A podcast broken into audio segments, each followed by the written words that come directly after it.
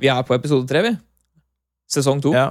Totalt eh, episode Du har jo oversikt over det. Du hadde jo det sist. Ja, ja, ja. Jeg, Ja. Det, det, er vel, det er vel enten eh, 12 eller 14-15. Så Ja, ok, første, første sesong hadde ni episoder. Eh, første episode i sesong to da blir episode ti. mhm. Og så eh, elleve, Ja. som kom ut i dag. Da er det her episode tolv. Ja, så er det ikke 12, da? 12 eller 15? Ja. Og det er ganske bra gjetta, syns jeg. Ja. Mm. Det- Har Velkommen til voksenopplæring. Ja. Oh, ja, vi er, ok, vi er der. Nei, vi skal ikke si Jo, ok, vi kan, si, vi kan si velkommen. Vi kan, Ja. Uh, ja.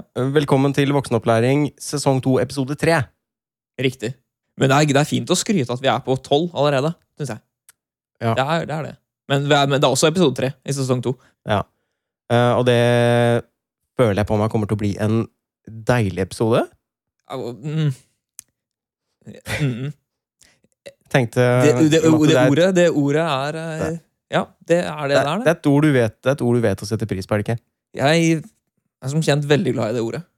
Ja skal vi bare gå rett på med tre nye Skal vi bare gå rett på med tre nye deilige fakta om deg selv? Tre nye eh, deilige fakta om deg selv. Skal du, skal du begynne, eller jeg begynner? Um, jeg kan begynne, Ja. ja. Jævlig spent. Første deilige fakta. Gjør det vondt å si deilig? Mm, veldig. Ja. Men hvis du sier det mange nok ganger, så kanskje du mister den krafta det har. Den negative, den, den negative følelsen du får av det. At kanskje du på en måte nuller det ut. da At du Det er det jeg er redd for. ordet. Jeg er veldig Er redd, redd for det. Ja, veldig. Ja. Hvis jeg mister det, så begynner jeg å bruke det. Ja, men Hadde det ikke vært deilig hvis den måte, effekten forsvant? Nei. Nei. Ok, Ehm, et, eh, et deilig fakta. et deilig fakta her. Jeg har hørt at når jeg spurter, så ser føttene mine ut som visper. ja, men det, det, det har du tatt med før. Nei! Har jeg det? Faen. Ja, ja det, det, er, det, er, det er flashback til første sesong, altså. Jeg, jeg søkte på det. Jeg søkte Ja. på det. Jeg var helt sikker på at ikke ikke, ikke hadde det tatt Men sjekka du, sjekka du Wikipedia-sida di? For der har jeg vært inne og redigert. Uh, Du må ikke redigere bort faktaene på meg, Hans Petter. Da har jeg bare, Nei, to, da, da har jeg bare to fakta. Men, eh, men det er, jeg, jeg tror at det er, det er fakta som eh, det, det er verdt å nevne igjen. da. Ja, ja. Eh, Jeg skulle gjerne fått dokumentert det også. Jeg har ikke løpt eh, på lenge. Eh, Nei. Det er sikkert et halvår siden jeg prøvde å løpe, spurte, sist. Har du prøvd å løpe i fløte? Eh, nei, jeg har heller ikke prøvd å løpe i karamell. Har du prøvd å løpe i gelé? Nei, jeg tenkte mer hvis føttene dine er som visper, og hvis du løper i fløte, blir det da krem? Å løpe og- i karamell er jo helt, eh, helt uvesentlig. Oh, ja, okay. Irrelevant å løpe i gelé? ja, nei, altså jeg, Nei, jeg har ikke prøvd det, da. Sånn just for the record. For det var, jeg var genuint nysgjerrig. Ja. Eh, har du et fakta om deg selv? Ja, jeg har faktisk et fakta jeg ikke har tatt med før, da. Så flink du er, da. Jeg pleide å ta en buss før som vi bare kalte for Blåbussen på Rollsøy, der jeg bodde før. Uh, og det var, sånn, eh, det var en sånn buss som kjørte litt sånn jorda rundt, og du, du brukte en evighet for å komme deg til byen og tilbake, fordi den kjørte en sånn kjip eh, sløyfe. Melkerute. Eh, ja, på en måte. Plukka opp alt av pensjonister som bodde liksom litt sånn langt unna eh, hovedveien, da. Den kjørte en sånn en litt sånn kjip trasé. Sånn, jeg tror det heter trasé. Det, det er et veldig fint ord. Jeg vet ikke hva det betyr. Nei, ikke jeg heller. Jeg, jeg, tror det, jeg tror det heter det. Den bussen, han, eller han som kjørte den bussen, han var veldig hyggelig. Han, liksom, han, han sånn som kjente alle. Og da bussen parkerte i byen, og hvis man skulle ta den bussen hjem, så gikk eh, bussjåføren ut av bussen, og han lot døra være åpen, så folk kunne gå på hvis de ville. Eh, og jeg hadde vært på eh, McDonald's og kjøpt meg en kjempestor milkshake. Og eh, bussen hadde akkurat kommet hit, eh, og jeg skulle gå på bussen, og han eh, drev liksom også pakka sammen veska si, for han skulle inn og ta seg en kopp kaffe. Og da lot han døra foran stå åpen, så jeg møtte han i døra og gikk på. Det var ingen andre på bussen, jeg var den eneste som gikk på bussen med milkshaken min. Eh, hilste på bussjåføren, så gikk og satte meg sånn eh, nesten bakerst. Prøver å holde milkshaken mellom mine to eh, klamme knær, for det her var jo på sommeren. Mister milkshaken nede på gulvet, og bare splæsj! Milkshake absolutt overalt. Eh, det er ingen andre på bussen. Jeg går av bussen. Og det var det var fakta. Jeg mista milkshake på bussen. Eh, Det var veldig Og jeg, jeg følte en så stor skam etterpå, for jeg vet at det, når han bussjåføren kom på bussen igjen, eh, og det kom andre passasjerer på, og noen sikkert meldte fra om at du, det er veldig veldig mye milkshake, sjokolademilkshake utover hele gulvet bak her, og det ikke sitter noen i nærheten med milkshake, så tror jeg han ville skjønt at ja, det var han, ja. Mm. Han er jævla nypa. med med MacGyver-hockeyen som, eh, som gikk på bussen helt alene med den store sjokolademilkshaken i stad. Som har mista den milkshaken uten å si ifra, så han bare stikker. Fy faen, for en jævel. Traff du noen gang på denne bussjåføren igjen? Ja, ja. Ja. Han, han var vel en av dem som, som kjørte bussen fast, tror jeg. Skammet du deg da? Jeg skammer meg fortsatt. Men han, han konfronterte meg aldri med det eller noe. Feig som jeg var, så stakk jeg jo selvfølgelig fra stedet. Jeg tok, eh, jeg tok en annen buss hjem. Og kjørte en litt mer sånn direkte rute, tror jeg. Eller er det han som er feig, siden han aldri konfronterte deg med det? Ja, det kan være. Legger skylda på han, tror jeg føles bedre. Ja, det er bra, det. Det er alltid viktig å legge skylda på andre. Har, har du et fakta? Har du faktisk et fakta? Eh, vi får se, da. Får se om jeg har et fakta som jeg ikke har fortalt om før. Ja. Eh, noe sier meg at eh, fakta nummer tre har jeg sagt før. Men vi finner ut av det òg. Ja, så det er bare, det er bare repriser i dag. Det kan hende. Eh, Mm. men jeg lurer på om fakta nummer to eh, Ja. er noe jeg ikke har nevnt før.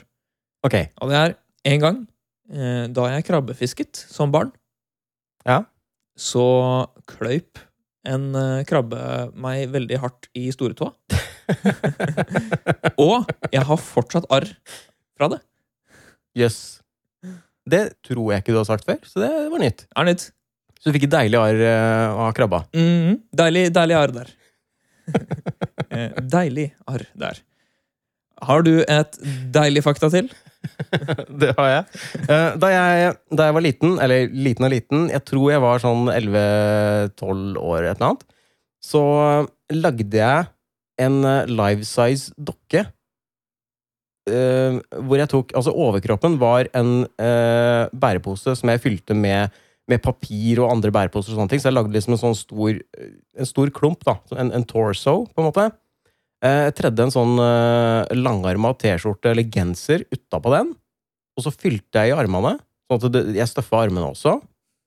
Eh, og, og knøt igjen i enden, da, sånn at det- ble inni armene. Mhm. Og så gjorde jeg det samme med en bukse.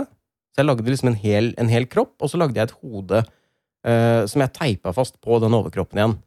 Eh, og den, den uh, figuren, eller den dokka, uh, kalte jeg for Finnmud. Finnmud, ja. Ja, Finnmud. Uh, som var et, et navn jeg tror jeg hadde lest i Donald eller, en eller annen sånn- eller en eller annen tegneserie som jeg syntes var så morsomt! Jeg lo så godt av det navnet. Jeg tenkte liksom at det han skal hete Finnmud. Det var kjempemorsomt! Utrolig morsomt! Og så brukte, og så brukte vi den, den dokka til forskjellige sånn Litt sånn stunting og sånn. vet du. Vi var ute og lekte at vi skulle slåss og kaste han rundt. Vi lekte at vi var i actionfilm og sånn. Kasta han utenfor små kanter og banka det opp og sånn. Var uh, moren din glad for at du brukte klærne dine til det der?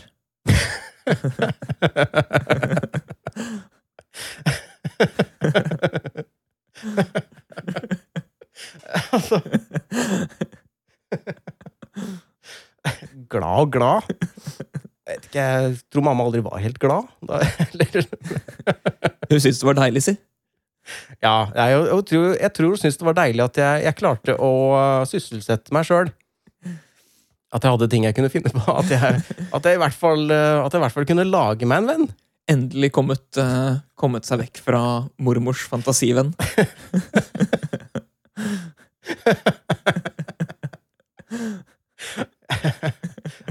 Eh, Jeg, jeg husker jeg lagde, jeg lagde flere varianter av denne Finnmud. Eh, Det var versjon 1, 2 og sikkert 3 og 4 også.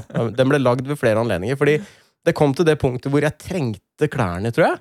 Sånn som eh, Jeg tror, jeg vet ikke hvorfor, men jeg tror beina var en støffa strømpebukse, og det var min strømpebukse. Selvfølgelig var det det. Selvfølgelig var det det. Selvfølgelig var det det. Har du fortsatt strømpebukse? Nei. ja, jeg, jeg har tights. Jeg har ikke strømpebukse. Ikke. Jeg heller. Så det var et, uh, var et deilig fakta der. Eh, Det var et deilig fakta. Har du noe mer? Uh, ja, jeg har et potensielt tidligere nevnt fakta. Ja.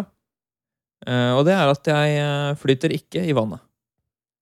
Nei, det gjør ikke jeg. Har ikke jeg tatt Det tror jeg har tatt med. Det har kanskje du tatt med? Du har tatt mitt fakta, du nå. Jeg har stjålet fakta ditt. Rett og slett. Ja, men det er, det er lov hvis det gjelder for deg også, så er det greit. Tror jeg. Ja, for det gjelder for meg òg. Men har du prøvd sånn å flyte på ryggen? Mm. Det funker ikke? Nei, nei. Jeg, hva, jeg, hva skjer? mm, jeg, jeg dukker under vann. Jeg, jeg drukner, holdt jeg på å si. Men, men ja, fordi folk har prøvd å lære meg å flyte før. Har du liksom prøvd altså, du, skal, du skal ligge rett ut som en sånn jævla sjøstjerne. Mhm. Ja. Men så trekke inn, trekke inn pusten Eller puste normalt, er vel det folk sier gjerne. Ja, Og så husk å legge ørene under vann. ok. Mm. Hvis du har hodet opp, så flyter du ikke på samme måte, for da får du ikke pressa opp brystkassa eller et eller annet sånt. Funker ikke. Eh, eh, kontrollspørsmål. Ja. Du, du, legger deg på, du legger deg på ryggen. Eh, det, er, det er stort sett det jeg har prøvd. Syns jeg burde prøve ja. å ligge på magen. Jeg tror det er lettere å, å ikke panikkpuste hvis du ligger på magen. Ja, det stemmer nok. Ja. Eh, Det er bare en teori. Jeg har ikke testa det. ja, men jeg Så- tror det er veldig vanskelig å puste i det hele tatt hvis du ligger på magen, så det stemmer nok. Med mindre du bøyer, eh, altså, du bøyer nakken litt bakover, sånn at du løfter, løfter haka litt. Ja, det må jeg løfte haka veldig. Men eh, du flyter ikke. Jeg flyter ikke. Det gjør jeg ikke. Da er vi to. Sånn sett er vi like. Deilig like. Åh. Angrer du? Nei, jeg gjør ikke det. Skal jeg ta mitt siste fakta? Ja, du har et fakta til, du. Jeg har det. Jeg har tre, jeg skjønner det. Uh, I og med at spalten heter Tre nye fakta, så tok, tok jeg tre. Ja, skryt. Skryt av deg Ja, det, her, det her er en ting som jeg egentlig uh, Som jeg egentlig hadde fortrengt. Jeg vet at det skjedde, men jeg, jeg har tatt det med siden jeg ble minna på det av en uh, kompis. Hei, Morten. Da jeg var liten, cirka Jeg tror det var i Jeg kan gjette at det var i tredje eller fjerde klasse barneskolen, så jeg var ti eller Nei, jo, ni eller, ni eller ti år. Um, så, så var Morten hos meg, og så, så ringte vi til uh, en tredjeperson. Jeg har ikke tenkt å si hva han, hva han heter. Vi kan si at han het Jesper. Vi sier at han heter Jesper. Vi ringte til Jesper og spurte om han hadde lyst til å komme og leke med oss. Og han, jeg husker han ble så sinnssykt glad for at han eh, kunne komme og leke med oss den dagen. Og han bare Ja, ja, jeg kommer med en gang og jeg skal bare jeg vet ikke, sikkert spise først eller et eller annet og bli kledd på av mamma eller et eller annet, og så skulle han komme og leke med oss. Eh, han det, er, det her er så ille. Jeg husker du sa det Vi snakka om i forrige episode at eh, jeg tok betalt for at søstera mi skulle sitte på internett på, på rommet mitt, og du sa at jeg, jeg er så kjip. Du er så kjip. Ja. Eh, vi venta jo ti minutter, kvarter etterpå, så kom jo Jesper ned. For han bodde i gåavstand unna, så det var ikke noe stress. Uh, han bodde kanskje i, i luftlinje. Ser jeg for meg at han bodde 500 meter unna. Det var veldig fort gjort å gå ned til meg. Uh, han kom ned, han ringte på døra, uh, og vi, vi åpna, og Det er så, det er så ille. Vi åpna, og vi, vi tok eh, Vi tok slim i håret hans.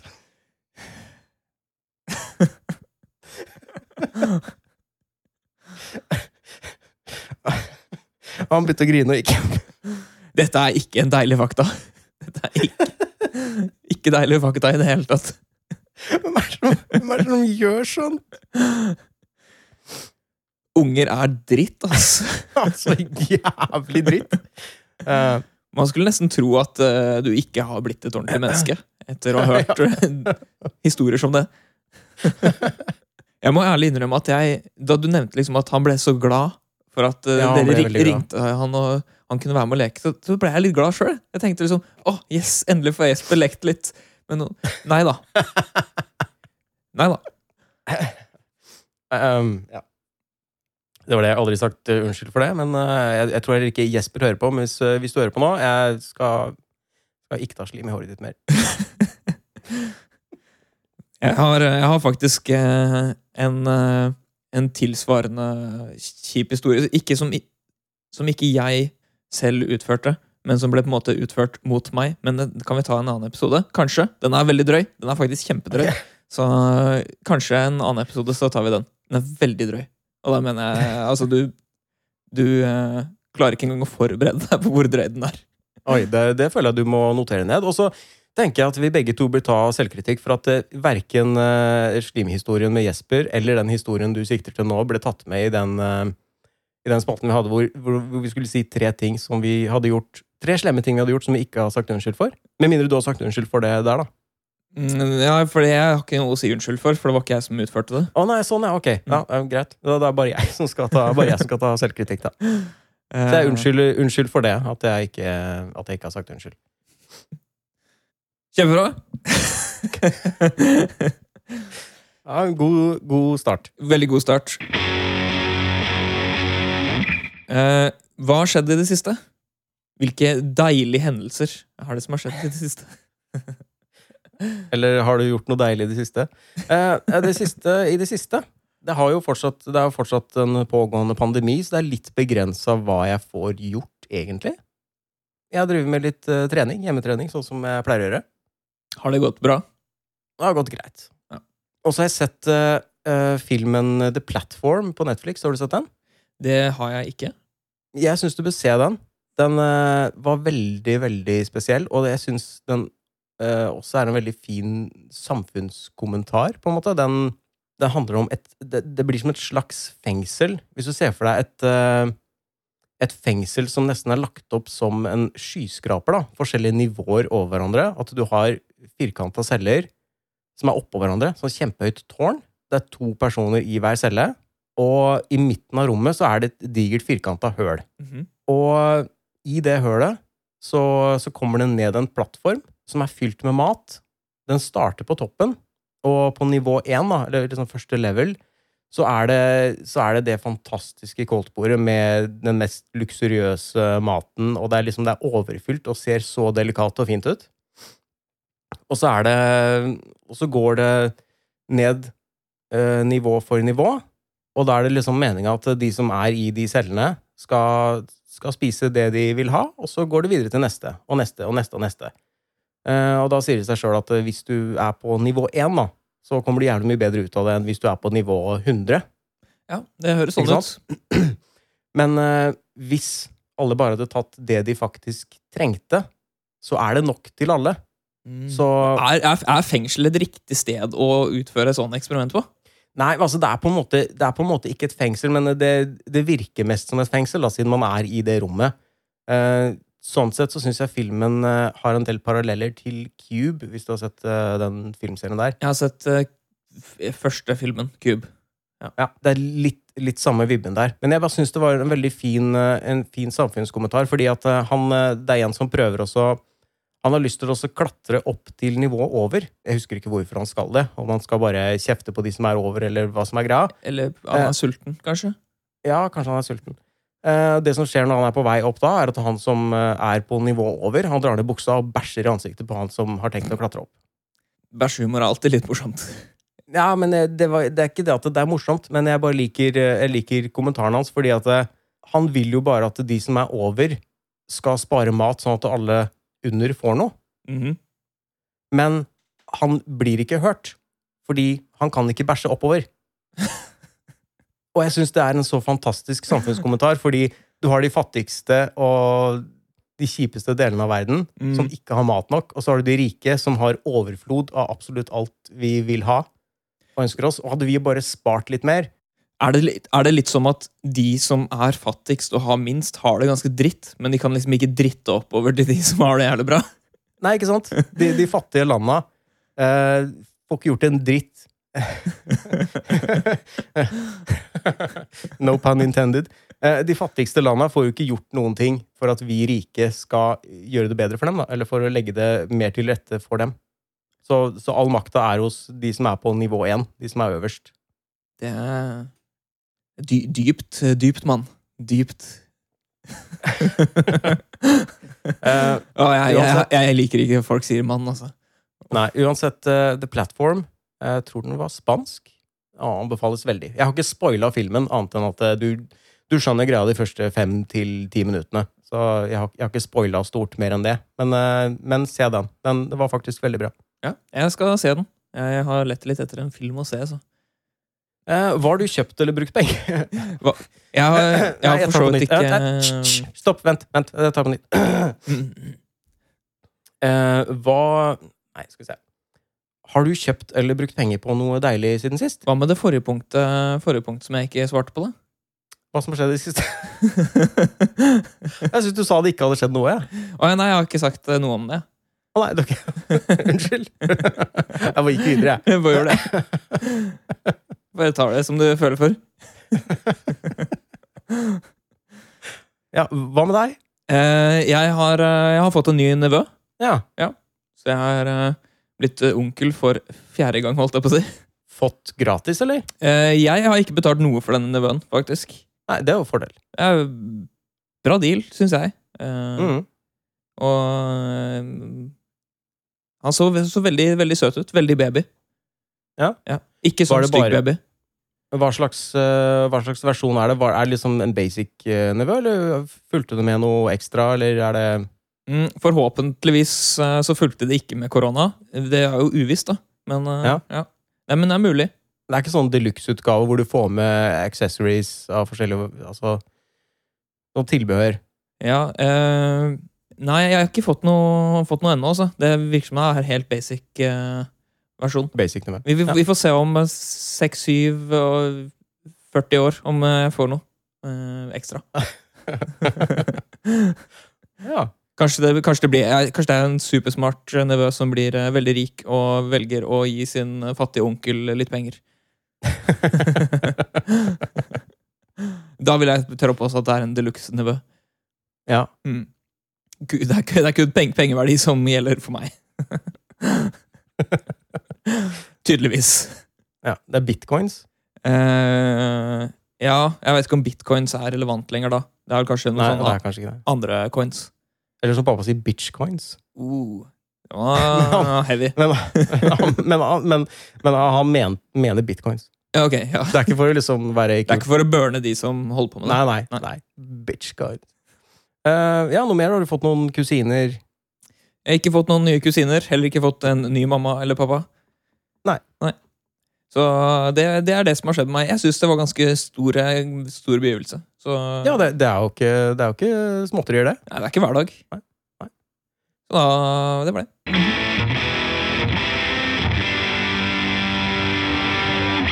Hva har du brukt deilig penger på siden sist? Er penger deilige? Er det ikke litt deilig? at penger, du sa at penger ikke var så viktig for deg. du. Jeg sa akkurat deilig, at penger er veldig viktig for meg. sa jeg. Jeg sa at penger Ja, var er det det viktigste. Det er det viktigste. Uh, nei, vet du hva, jeg har faktisk ikke brukt penger på noen ting. Jo, jo, jeg har kjøpt Jeg bestilte, jeg bestilte uh, et nytt spill. Jeg bestilte Jedi Fallen Order fra Respawn, vet du. Det Star Wars-spillet. Jedi Fallen Order. Fallen Order, det, det Star Wars-spillet. Det nyeste Jedi-spillet. Ja. Jeg, eh, jeg har vurdert det. Vurdert det veldig sterkt. Vet, vet, vet du hvilket spill det minner om? Nei. Jeg har hørt, hørt at det minner om et spill, Hvilket da? og det er Dark Souls. Nei, det er ikke, lov, det er ikke greit å si. Det er ikke lov å si. Det minner ikke om Dark Souls, for da kan ikke jeg spille. Men det er jo ypperlig, det er ypperlig for meg. Ja, det er det sikkert. Eh, men jeg, jeg takler ikke sånne spill hvor jeg må dø hele jævla tida. Det er ikke så vanskelig! Nei, det høres grusomt ut. Jeg har spilt Dark Souls 1, og det falt ikke så veldig i smak. Jeg bare daua og daua og daua. Det er ikke morsomt, altså. Og så syns jeg grafikken er skikkelig drit. Grafikken er morsom. Den er uh... Morsom? Den er Ja, det- Nei, den har en helt egen kvalitet ved seg. Den er kul. Men uh, det Jedi-spillet skal visstnok være også veldig veldig vanskelig. Veldig krevende. Ja, jeg bør Men, men, ikke men, på ikke, hard. men ikke fullt så krevende som, uh, som Dark Souls. da Nei. Men det er en challenge, liksom. Nei, for jeg pleier, også, jeg pleier også å ha en del spill som jeg har lyst på, eh, lagt inn på hos eh, eh, Prisjakt. Jeg sitter og titter på den da, eh, hver dag for å se liksom om det er, noe, det er noe jeg egentlig har lyst på som er satt ned i pris, og så så jeg oi, shit. Det er deluxe-utgaven av, av Fallen Order til jeg vet ikke, 379 eller et eller annet. Og så hadde komplett én utgave igjen. Så hvis det er noen andre som, eh, som satt og titta på det og hadde tenkt å kjøpe det, eh, sorry, jeg tok det siste som var. Så sånn er det. Jeg, jeg, ja. Ja. Jeg har betalt for coffeematen min. Du har betalt for den, sa- endelig. Ja, det er, blir på en måte Nå, nå føler jeg at jeg drar den eh, Nå drar jeg det punktet utover to, to episoder. For at det siste hadde jeg bestilt, men nå har jeg faktisk betalt. Så jeg, jeg hadde ikke brukt penger på det sist. Jeg hadde bestilt det sist. Jeg hadde ikke brukt penger på det. Nå har jeg faktisk betalt. Så det er ferdig. Mm. Van, vanligvis så har jeg gått over til å drikke svart kaffe, men jeg har ikke egentlig drukket så mye kaffe i det siste halvåret. Nei. utenom uh, når jeg er på skolen. Og eh, nå har jeg begynt å drikke litt kaffe igjen om morgenen, og det jeg har gjort i det siste, er å ta mm, Hva det heter Lønnesirup og melk, og skumme det, og så helle kaffe oppi, og så liksom få litt sånn skumma kaffe med melk og lønnesirup. Det er ganske godt, altså. faktisk. Ja, Blir det sånn at det lukter litt sånn konditori hos deg da? Det vil jeg anta, men jeg sitter jo i den lukta hele dagen, for jeg er jo isolert. Så jeg merker jo ikke det, dessverre. Nei, Nei, jeg merker, det. jeg merker at eh, Coffee kommer veldig godt med nå. Som det er litt sånn ekstra kjipt eh, i verden ellers. Å kunne unne seg den hver dag er veldig deilig. Veldig deilig, hørte jeg sa det? Deilig. Ja, det- Det sa du veldig naturlig òg. Ja. Ja. Akkurat som at du har det i vokabularet ditt. Ja, men det har jeg egentlig. Ja, du har det egentlig. Ja, eh, Greia nå er at jeg prøver å inkludere det i ditt. Jeg syns ikke egentlig det er uh, koselig gjort av deg, men uh, det får, jeg får la det gå denne gangen. Ja. Det her blir en sånn episode. det blir en sånn episode. Uh, hva er det jeg har brukt penger på i det siste? Hva er det jeg har brukt deilige deilig penger på i det siste?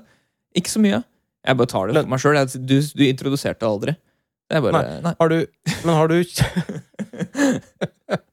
Har du Men har du kjøpt noe Har du kjøpt noe oppbevaring til nevøen din? Eh, nei, uh, de har faktisk uh, rom til han. Så jeg trengte Ja, men tenkte å hvis han kjøpe skal Hvis han skal være hos deg, du har, har du, ikke, du har ikke en eske eller en boks eller et eller han kan være i? Nei, altså det er ingen som tør å etterlate nevøene sine hos meg. Nei. Jeg antar at de jeg, vet ikke hva de tenker skal skje med, skje med dem, men det er i hvert fall ikke noe positivt. Ok. Det skal fòre dem cyanid eller Nei, det, det har jeg jo ikke stående, for så vidt. Men jeg hørte, hørte et eh, sånn eh, fakta som muligens er feil, eh, som, men jeg syns var litt Ja. gøy, er at de bruker ganske store mengder cyanid i, i mais, boksmais, for å få maisen til å holde seg gul i boksen. Å, Og det er ganske spesielt. men er det sant? Jeg vet ikke. Hvor hørte du det? da? Eh, Det var på jobben. Eh, Det var via en person, og jeg har ikke sjekket opp. Så det er Nei. mulig at det er en myte. Personen som sa det, virker, virker som en troverdig person. Men eh, det er jo ikke nok. Er det, en, er det en person som du tenker har veldig god greie på giftstoffer og hermetikk? Nei. eh, Sånn inn- inngående peil? Sånn skikkelig ordentlig dyptgående peil? nei, det tror jeg ikke. Eh, Nei. Eh, men det betyr ikke at det ikke er sant. Nei. Men det betyr heller ikke at det er sant. Nei. Så det er gøy. Det må alle tenke på neste gang de spiser mais. Uh, hvis de ikke sjekker det ut videre. Og det kommer sikkert ingen til å gjøre heller. Nei. Men, uh, men ja, nei, jeg har brukt Jeg kjøpte faktisk en ting i dag. Uh, Ja. Fordi jeg fikk opp eh, en reklame på Facebook fra Zalando, som eh, man ofte gjør. Og der var det en jakke som ligna veldig på en jakke jeg har fra før. Som begynner å gå i stykker. Ok. Og det var eh, satt ned med 50% og da kjøpte jeg det. Og så får vi se Ja. om to uker om den er eh, fin eller ikke. Jeg blir, jeg blir lurt av sånne reklamer. Ikke nå lenger, men jeg har blitt lurt av sånne reklamer. For det dukka opp, eh, opp reklame for sånn uh, steampunk-briller. Ja. Sånn solbriller. Sånn, så skikkelig Det så veldig steampunk ut. Mm -hmm. uh, det, sto, det sto til og med at de skulle være polariserte. Det var de ikke. Men det var sånn, det var sånn supertilbud. Det var en sånn countdown som sa at eh, denne dagen så er det er, produktet er gratis, trenger bare betale for frakt. Mhm. Og jeg tenkte å kult, jeg kan jo bestille, det koster jo bare vet ikke, 90 kroner eller annet i frakt. Så kan jeg bruke det til noen bilder en eller annen gang. Hvis jeg skal ta noen bilder med steampunk-tema. Så jeg bestilte. Eh, men dagen etterpå så var det kommet en ny countdown, så den går hver dag, den. Ja, ja, ja. ja Hver eneste dag. Bestill i dag og få denne gratis. Jeg har, eh, jeg har registrert at det er veldig mange eh, sånne solbrillefirmaer som har sånne scams, eller jeg vet ikke om det er scams, eller det bare er sånn standard eh, kjip markedsføring. Eh, alle har som lik, og det er eh, Og nå er det 70-80% tilbud på disse brillene. Og hvis du kjøper briller, så får du med ett ekstra brillepar. Ja. Og de var ku kule briller og alt sånn, og nettsiden ser super fresh ut og sånn. Men så kommer det opp en ny reklame dagen etterpå med et annet eh, solbrillefirma som har akkurat samme deal, og nesten like briller, og like fin nettside, og det er bare helt likt he gjennom hele linja, og du, du skjønner jo at det er scam. Det er litt shady. Pun intended. Nei. men altså, jeg går, jo bare på, jeg går jo bare på den scammen én gang. Men jeg tenker at det er tydeligvis nok da, at folk går på en scam én gang til at, til at et sånt firma holder seg levende. Jeg syns det er eh, Det er lov å gå på en scam, eh, fordi du, du, får lov til å være litt naiv og prøve seg. Det er lov å prøve seg. Ja. Og så kan man le litt av det når man driter seg ut. Jeg blir litt sur ja, når, jeg, når jeg innser etterpå at jeg, jeg har gjort noe dumt på den måten der. Eh, ja, jeg irriterer meg selv, men jeg sier til meg selv at det er lov å gjøre noe dumt og le litt av det. Å ja, du, du gjør det. Sånn som de to skjortene som jeg kjøpte, som var helt like, som jeg kjøpte med sånn to måneders mellomrom, som var reklamert for akkurat samme skjorte, men på to forskjellige steder. Så fikk jeg samme ræva skjorte to ganger. Ja. fool, me, fool me once.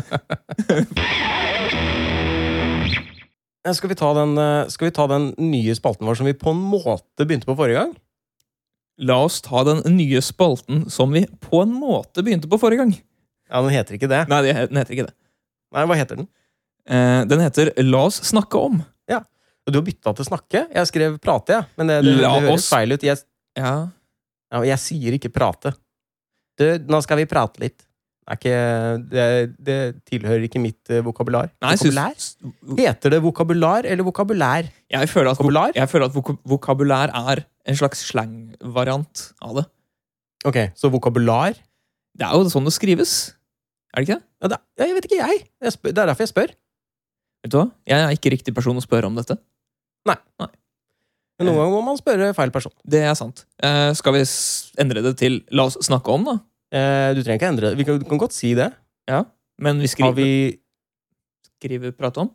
La oss snakke prate om! Hva er det vi skal prate om i dag? I dag skal vi snakke om eh, VHS, tenkte jeg. Ordentlig stort og bredt tema. Det er, det er et veldig bredt tema. men, eh, men eh, helt først Hva er VHS? Ja, hva, hva står VHS for? Oi. Eh, hva står VHS for? Ja, Eh, video jeg har sjekka det opp, da. Ja, jeg vet, aner ikke. Eh, video handy server. Video Handy Server. Eh, video handheld eh, Handheld?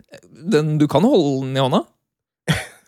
Kassetten? Ja, du Ja, kan. du, du, kan, du kan holde kassetten i hånda. Mm. Sant. Veldig godt poeng. Uh, jeg kommer ikke på noen uh, flere forslag. Eh, jeg husker ikke hva mitt forslag var, men jeg sjekka det opp, og det står for Video Home System. Ja, Det syns jeg er feil. Altså, Jeg også syns det er feil, for jeg syns den burde bytta om Video Home, så hadde det vært Home Video System. Jo, For meg hadde det vært mer logisk. At det er hjemmevideosystem. men jeg har aldri tenkt på at VHS er spilleren. Jeg har alltid tenkt på at VHS er kassetten, men det heter vel kanskje VHS-kassett? Det heter VHS-kassett, ja. Ikke sant? Så er, jeg er allerede på villspor, jeg. Deilig villspor. Men eh, eh, folk som eh, vokser opp i dag, og jeg antar eh, Du trenger ikke være så veldig veldig mye yngre enn oss, eller yngre enn deg, for å ikke vite hva en VHS-kassett er. Nei, det tror jeg ikke. Det er nok veldig mange som Veldig mange av de to lytterne som ikke vet hva en VHS er. Jeg tror det blir litt, eh, litt samme greia som eh, at save-symbolet fortsatt er en sånn gammel diskett. vet du. Mm. Stort sett overalt. Men det er veldig mange som, som spiller spill og saver det, som aldri har sett en ekte diskett før, tror jeg. Mm.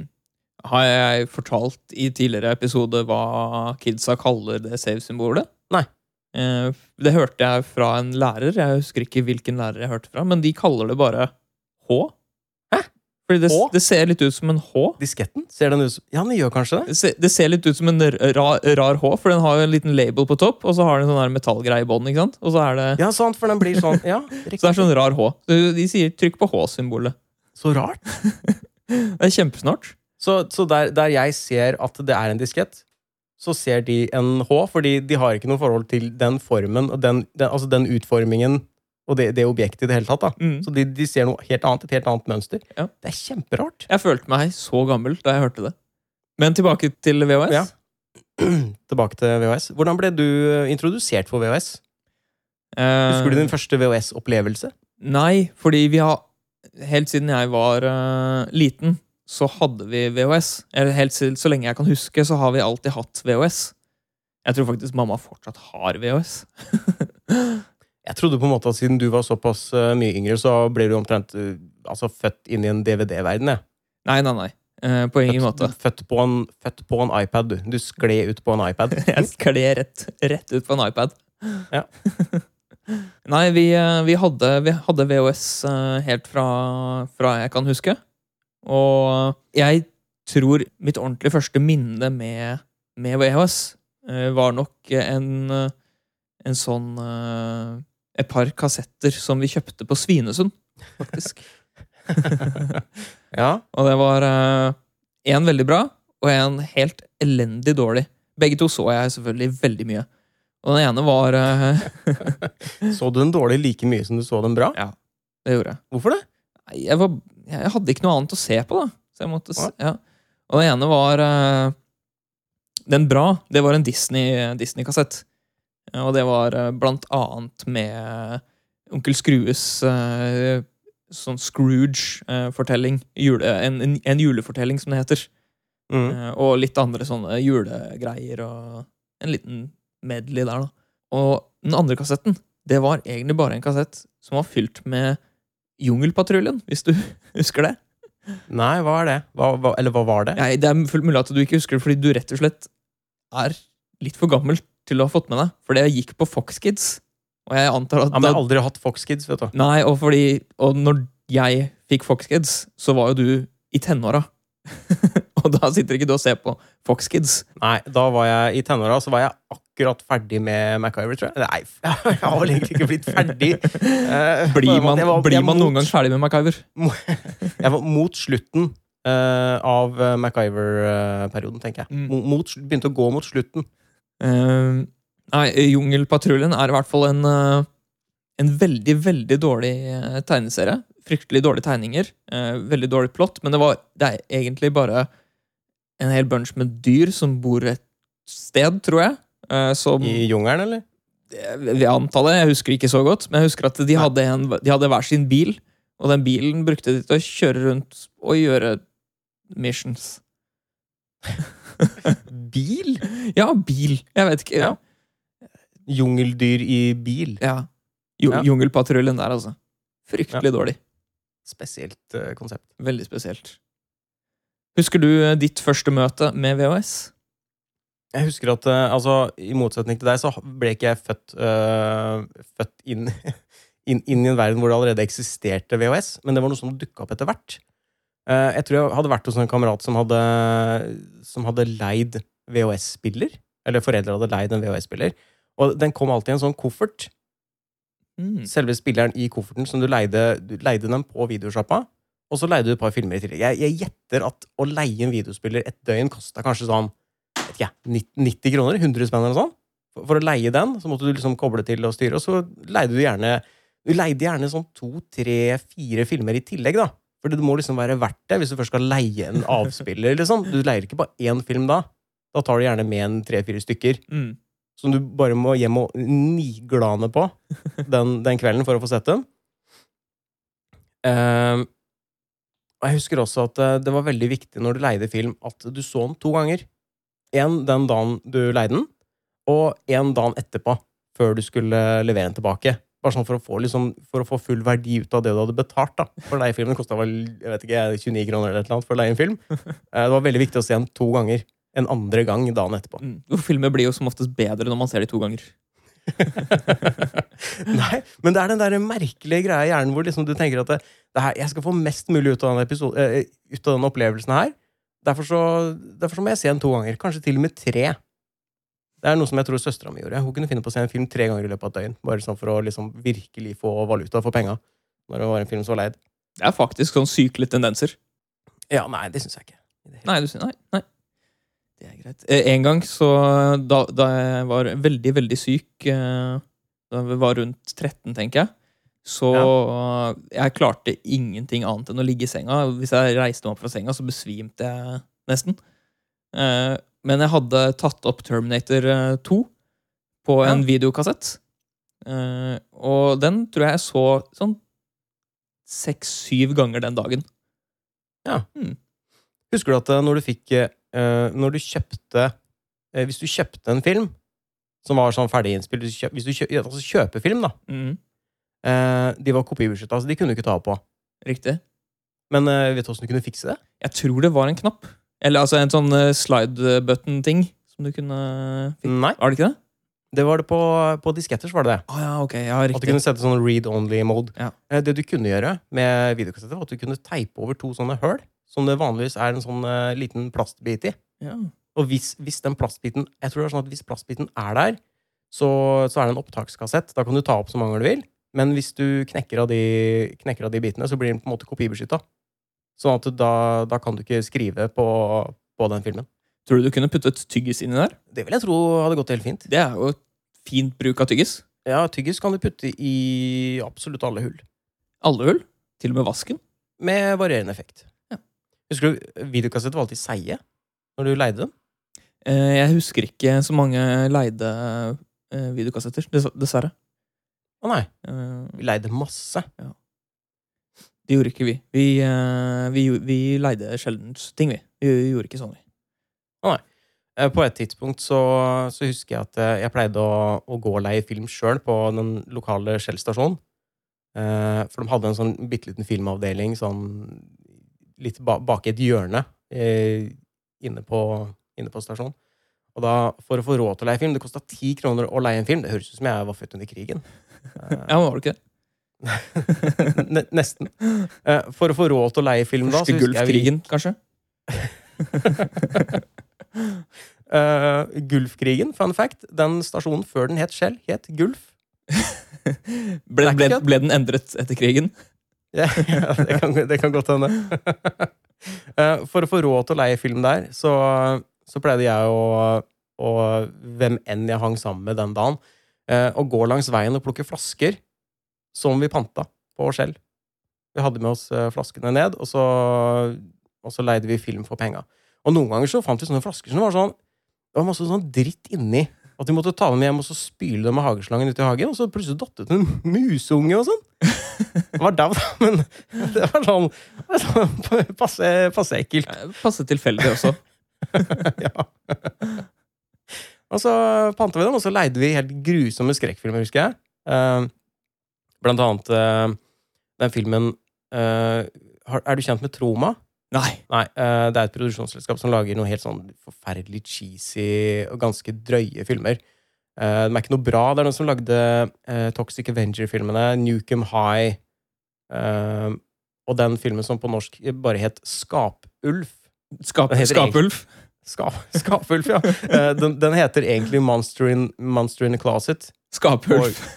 ja. det er, er noe spesielt med norske titler på ting, altså. Det blir Herlig. fort veldig rart. Det er herlig.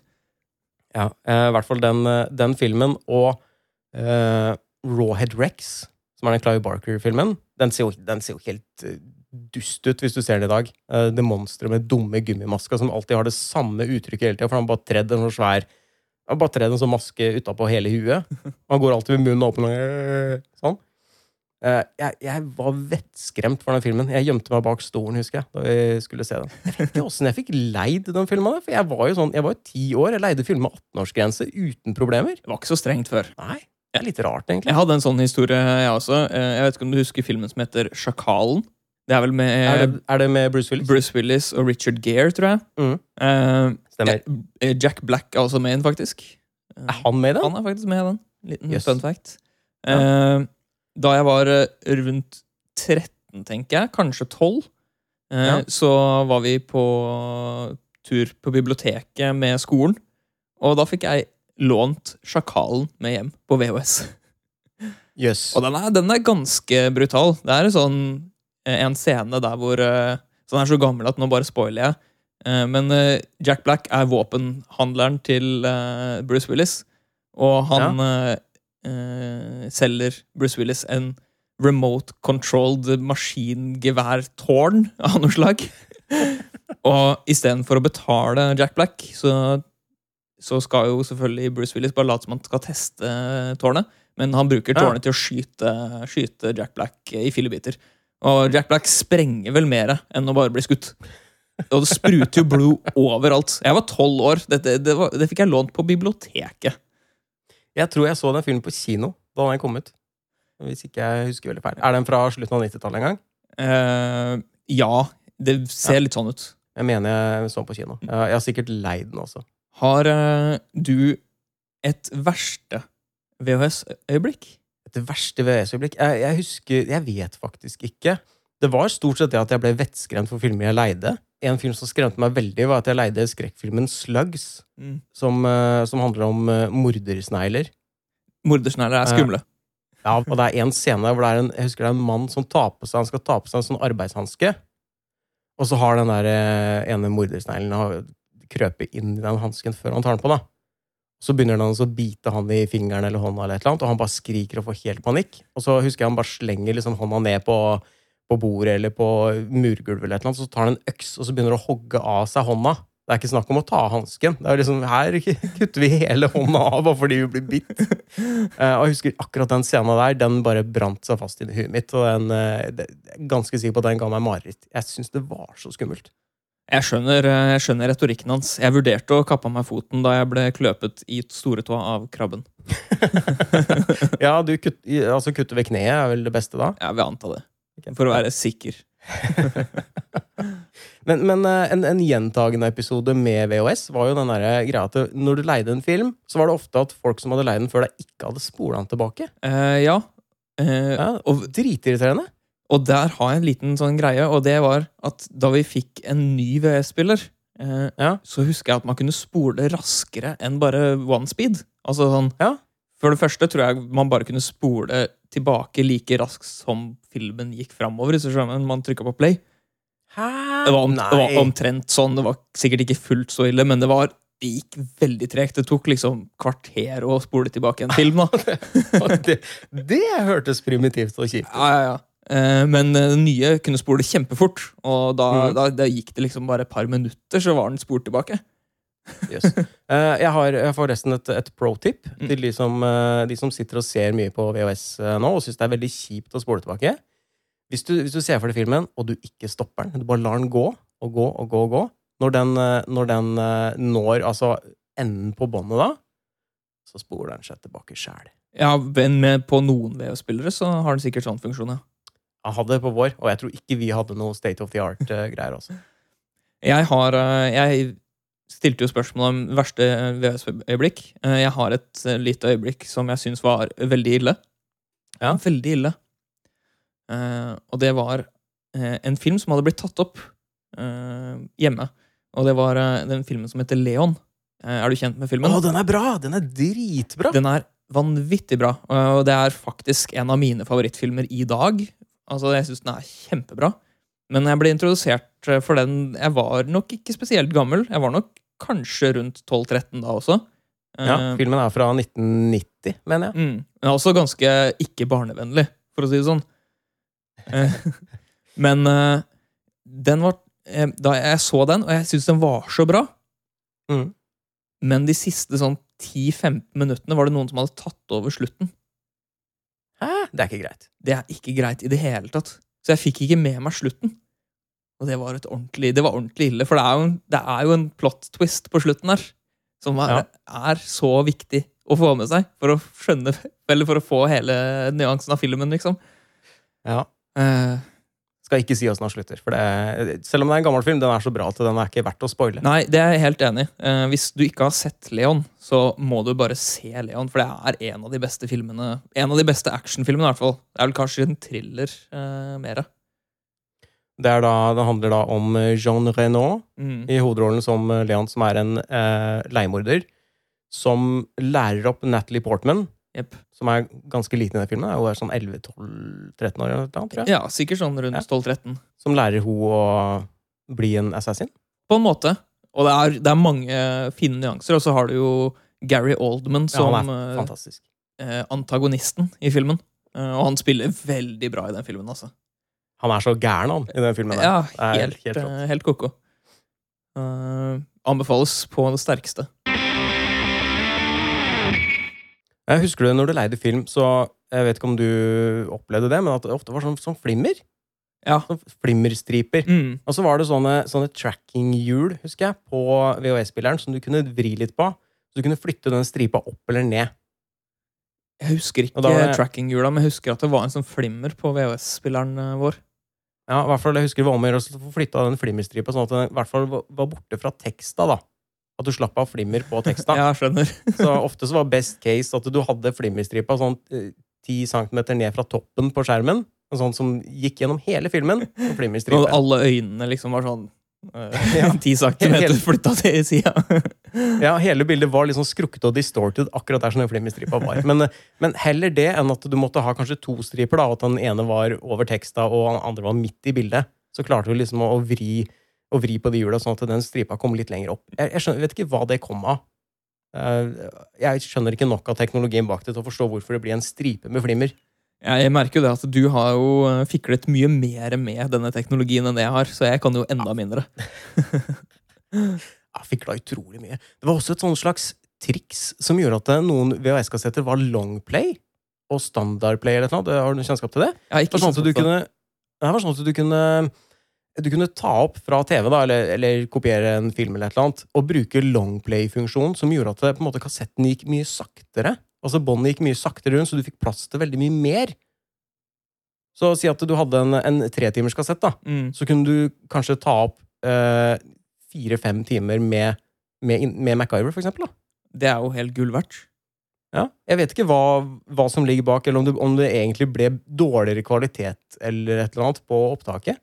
Det må jo være, en, det må jo være en eller annen takeaway der, på en måte. At du, at du mister noe Mest sannsynlig. informasjon. Eh, hvis du har sett på VHS eh, etter du ble vant med DVD-standarden, på en måte Det har jeg ikke, vet du. Nei, det er så dårlig kvalitet. Det er så vanvittig dårlig kvalitet. Eh, var det oppløsning? Altså, kan du si at det var en viss oppløsning på VHS? Eller er alt så blurry at det, at det ikke fungerte på den måten? Jeg syns det er veldig vanskelig, fordi eh, sånn som når er ting jo ikke varsel distorted og Eh, Nei, så det hva- er jo er ikke da? oppløsning. Ja, hva er det da? Ja, hva er det da? Mm. Det var jo Det er jo lysrøre, på en måte. Men samtidig, nei, det Jeg vet ikke. Det er jo analogt signal som blir sendt fra VØS-en. Ja. Og det er jo ikke pixelbasert. Nei. Så det er jo mer bare en bølge, rett og Ja. Så det går, oppløsningen går vel kanskje på hvor hurtig den bølgen eh, oppdaterer seg, for. Mm. Men eh, du som har så jævlig god greie på VS, hva betyr det at en, eh, hvis du kjøper en VHS-spiller som har, har to hoder, hva betyr det? Eller tre hoder? Det var sånn antall hoder. Hva, hva, hva var det? Hva var det for noe? Det, Jeg så aldri noe av de hodene, jeg. det er nok akkurat samme, samme som altså, Ikke akkurat samme, men du kan tenke det samme som uh, laseren på, som leser uh, CD-er eller DVD-er eller Blu-ray. Uh, Ja, ok. Og for eksempel altså, bare nåla på en LP-spiller. Altså, det, er, eh, det er den som eh, registrerer innholdet som er på båndet. Og og eh, kanskje, eh, nå bare syns jeg, eh, Ja. men kanskje det fungerer på samme måte som eh, med en harddrive. Fordi en harddrive er jo sånn at den har en måler sånn veldig i likhet med en LP-spiller. Ja. Men der er det sånn at den hopper fram og tilbake etter det innholdet som er lagret på den. For det er jo en disk. En svær disk. Ja. Harddrive. Og kanskje de har tre hoder som leser for at ikke den skal bevege seg, eller at den skal få kanskje bedre måling da, på Kanskje den har tre hoder som måler samme båndene, sånn at den har mer eh, Eller høyere higher fidelity, på en måte. Mm, Ja. Bare synsing, selvfølgelig. Men uh, Hva, hva er fordelen? da? Altså bedre bildekvalitet, eller? ja, jeg vil anta det. Ja. Mm, du kan lese Jeg, jeg vet ikke. Nei, altså, jeg vet jo ikke, jeg heller. Men uh, det er uh, min rasjonalisering. Jeg, leide, jeg leide Robotech da jeg var liten, og jeg leide Thundercats. Men jeg husker det var en videosjappe som het Videorama, som solgte leker i tillegg. og spesielt robotene fra Robotech. Robotech er også kjent som Macross. Som lacrosse. Macross. Macross? Ma Ja, macros. macros, Eh. liksom, som i makroer? Eh, Robotech-lekene var helt sinnssykt tøffe. Jeg husker jeg kjøpte én eller to, kanskje tre roboter der. Eh, vanvittig kul eh, lekeserie.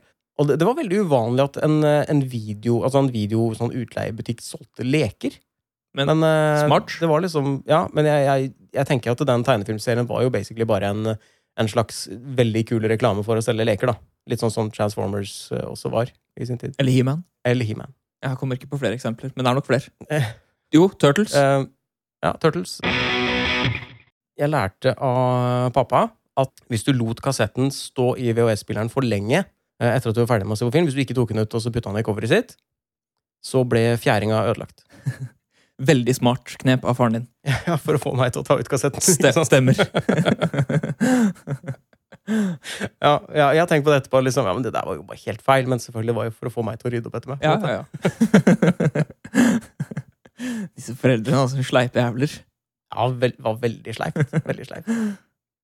Hvor lenge trodde du på det? Eh, nei. Eh, jeg var vel en kanskje 8-29, eller noe sånt. Jeg vet ikke. Så du trodde på det, det godt, godt lenge etter at du slutta å se på VS? ja, ja, Ja. ganske lenge. Altså, det er jo noe som jeg ikke har reflektert så mye over, annet enn liksom å tenkt ha-ha, tenk at pappa trodde det, og så har jeg liksom plutselig plukka det fram i, i bakhuet, og så tenkte jeg liksom Vent nå litt. Vent nå litt. Det er noen rare, rare sånne ting man eh, kommer på, altså. ja, det er det. Sånn som eh, for Definitivt. eksempel eh, min eh, greie med lommetennis, som jeg aldri skjønte helt, eller eh, med Fido, som, jeg, eh, som mamma så gladelig stilte ut hjemme. Mest sannsynlig for å gjøre meg flau. Mens du tenkte at å, det er sikkert fordi hun er så stolt av meg. Nei, jeg, jeg tenkte vel Ja, jo, kanskje det. Ja, det Ja. sånn at, at det, det Hun syntes det var koselig at jeg hadde laget noe, liksom, uten at hun skjønte hva det helt var. Og så turte jeg ikke å si hva det var, men selvfølgelig gjorde hun det. Jeg, har, jeg vet at jeg har noen VHS-kassetter eh, et eller annet sted. Jeg vet ikke om de ligger hos uh, mamma eller et eller annet. Som jeg er ganske sikker på at det er noen gamle, noen gamle opptak fra, fra TV på. Jeg lurer veldig på hva som er på Jeg vet jo hva som er på noen av dem, men jeg lurer på hva som er på de andre. Mm.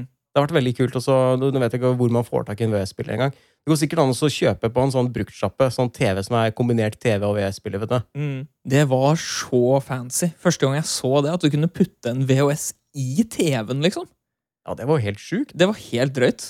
Jeg hadde aldri det, men eh, det var, det var skikkelig, skikkelig kult, syns jeg. Da levde du i framtida, da, følte du. Det følte jeg faktisk da. Ja. Mm. Og det var etter jeg fikk telefon, tror jeg. Mobil. Så det er, det er ganske fancy.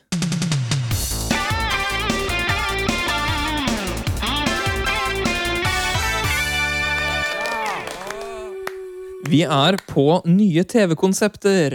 Ja, hurra, nye TV-konsepter. Vi spiller jo fortsatt inn eh, Vi spiller jo fortsatt inn hver for oss, for de som ikke vet det, i og med at vi er i, eh, i pandemi-lockdown. Så når vi skal Vi skriver ikke på lapper lenger. Vi noterer og sender på Messenger. Bruker sånn klipp og lim-funksjon. Der er høyreklikk for å kopiere, er det ikke det? Høyreklikk for å kopiere. Høyreklikk for å kopiere, for de som har eh, peiling på EDB. Og så, er det, og så kan du klikke sånn på venstre, og så på den rullemenyen for å lime inn. Ja, du må også trykke, trykke høyreklikk for å lime inn eh, på det feltet, tekstfeltet som du eh, har lyst til å lime det inn på. Ja, og Hvis du har tastatur, det ligner på en sånn gammel skrivemaskin, så kan du bruke, trykke på CTRL-knappen og C for å kopiere, og CTRL og V for å lime. inn. Men du må, ikke, du, må ikke, du må ikke trykke på dem etter hverandre, og ikke samtidig. Du må, du, altså du må putte Først den ene, og så den andre. Ja, mens, mens, du holder, du holder inne. inne. Ja. Mm. For du kan ikke først bare trykke CTRL. Og så, så trykke. V. Nei, det går ikke. Da, da fungerer det ikke. Trykker, hva skjer hvis du trykker C først? Holder C inne, og så trykker CTRL. Prøver du nå? Ja, det går ikke. Det går ikke C. Hva skjer da? Skrev du bare masse C, C, C, C, C, C, Jeg skrev en, bare én C. Bare én C? bare en C. Holdt den ikke inne lenge nok? Nei, ikke lenge nok. Da tar vi nye TV-konsepter, da. Skal, hvem skal begynne? Eh, vet du hva? Jeg kan begynne, eh, og sende til deg. Å, Jeg har ikke bestemt meg for hvilket jeg vil. Eh, skal vi se. Ja, TV-programmet ditt heter Rett på knekk. Stemmer. Mm. Jeg eh, tenker at det er et sånn helse-livsstilsprogram. Mm. som handler om eh, Altså, det, det kommer folk dit Litt sånn som, eh, som det programmet på, på NRK Hva feiler deg? eller et eller annet. Jeg har ikke sett det, bare hørt at det er et program som heter det. Sånn, hva, hva feiler det deg, eller hva feiler deg? Uh, hvor, det er, hvor, hvor det er et sånt team med leger og folk som ikke er leger, da, som skal gjette hva det er som feiler deg når du har en eller annen plage eller noe. Prøve, prøv å stille diagnose, da. Jeg tror at det her er en slags uh, alternativ medisin, uh, kiropraktorversjon av et sånn type program. Det er folk som kommer dit og så liksom har forskjellige, forskjellige plager og sånn. Men istedenfor å stille en diagnose, så er det rett på knekk. Har du, har du hodepine, har du, har du, ødelagt beinet ditt, uansett hva det er som feiler deg, det er ned på benken, rett på knekk. Da knekker de i ledd og og knokler og liksom trykker på ryggraden din til det popper og sånne ting. Knek, knekker og vrir og Det skal komme ordentlige knekkelyder. Uansett hva som feiler deg. Og på en måte konklusjonen da, er at det programmet liksom, det, er, det, er mer, det fremmer bare kiropraktikk. Ja. Det er som en slags sånn kiropraktikkreklame, hele programserien. Det skal vise at uansett hva som feiler deg, eh, knekking og kiropraktikk er løsningen. Ikke verst. Og, program, og program, programleder er jo da hun eh, eh, jeg tror det er hun fra TV 2 hjelper deg, og Solveig Barstad. Solveig Barstad. Ja, er, mm. Jeg tror hun er eh, programleder der. Ja. Og da er det selvfølgelig et TV 2-program, for hun er vel en TV 2-programleder. Det kan hende. Det er mange sånn, år siden jeg har sett på TV 2. Hører, ja, samme her. Jeg høres ut som et torsdagsprogram, tror jeg. Torsdag, Torsdag etter uh, Mellom uh, Nei, hva blir det? Etter, uh, sånn etter barne-TV på andre kanaler, så er det så sju-tida, kanskje? Sju-åtte? Sju-åtte-tida, ja torsdag. Du var definitivt inne på noe da du var på livsstilsprogram. For det er definitivt et livsstilsprogram. Det er det, ja? Det er et livsstilsprogram. Resten var dessverre ikke helt, helt korrekt. Det var, fint, det... det var, et fint konsept, derimot. Ja. Det er, men nei, det er et livsstilprogram som følger kanskje de linjene som makeover-program. Litt sånn uh, Homsepatruljen heter, heter, det fortsatt Homsepatruljen? Jeg syns det er litt sånn kjipt navn, for å være helt ærlig. Men, ja, Det er vel Homofilipatruljen nå, er det ikke det? Uh, jo, det, det, er det vel sikkert. Eh, jeg, jeg, ville kanskje kalt den Den skeive patruljen. eller noe. Jeg har hørt at man liker, eller at man syns det er bedre å bli kalt skeiv enn å bli kalt ja. homo. Den skeive patruljen. Ok. Ja, for eksempel. Men nei, det, ja, nei, det er i likhet med det, så er det en slags makeover. da. Eh, okay. Og det er rett og slett en makeover for å gjøre deg til nerkis. Oh, ja. Så rett på knekk, der hvor knekk er narkotika. Rett og slett. Mm. Så du, det er rett på, på, på heroin, liksom. men, men blir, du, så du blir, blir, du introdusert for uh, altså stoffer altså i i hva skal jeg si, kronologisk rekkefølge, hvis du tenker på hvor sterkt det er, at du begynner med noe som er svakere og så sterkere og sterkere, eller går du rett, altså, direkte til eh, heroinet? Jeg går rett på heroin. Uh, og det er, uh, det er uh, på en måte et, et sånn dobbel betydning i knekk. da. Knekk er både narkotika, men det er også knekken i ryggen man får når man har brukt nok narkotika. Oh, ja, selvfølgelig. Mm. Og det er jo med programleder Onkel P. Ja. Og han, eh, han syns jeg alltid høres uh, ut som en narkis. Mm. Uh, så jeg syns det er passende. Han vet sikkert litt om litt substanser også. Jeg tenkte at det skulle være det kan, Jeg tror det kan sendes på fem, ettersom at det er et livsstilsprogram. Ja. men det sendes klokka to på natta. natt til torsdag. Hvorfor så sent? Det er for å ikke oppfordre unge mennesker til å begynne med heroin. Oh, ja, selvfølgelig. Ja. Så de har stort sett lagt seg sånn, til skoledagen, forhåpentligvis. da. Så det er for å treffe riktig målgruppe? da? Ja, stemmer. De som på en måte er De er allerede litt på vei der, kanskje. Eh, mm. Bare sitter oppe hele natta og har det litt kjipt i livet sitt. Der kan du begynne rett, rett på knekk. Hvilken kanal sa du? Eh, fem. Fem, ja. ja.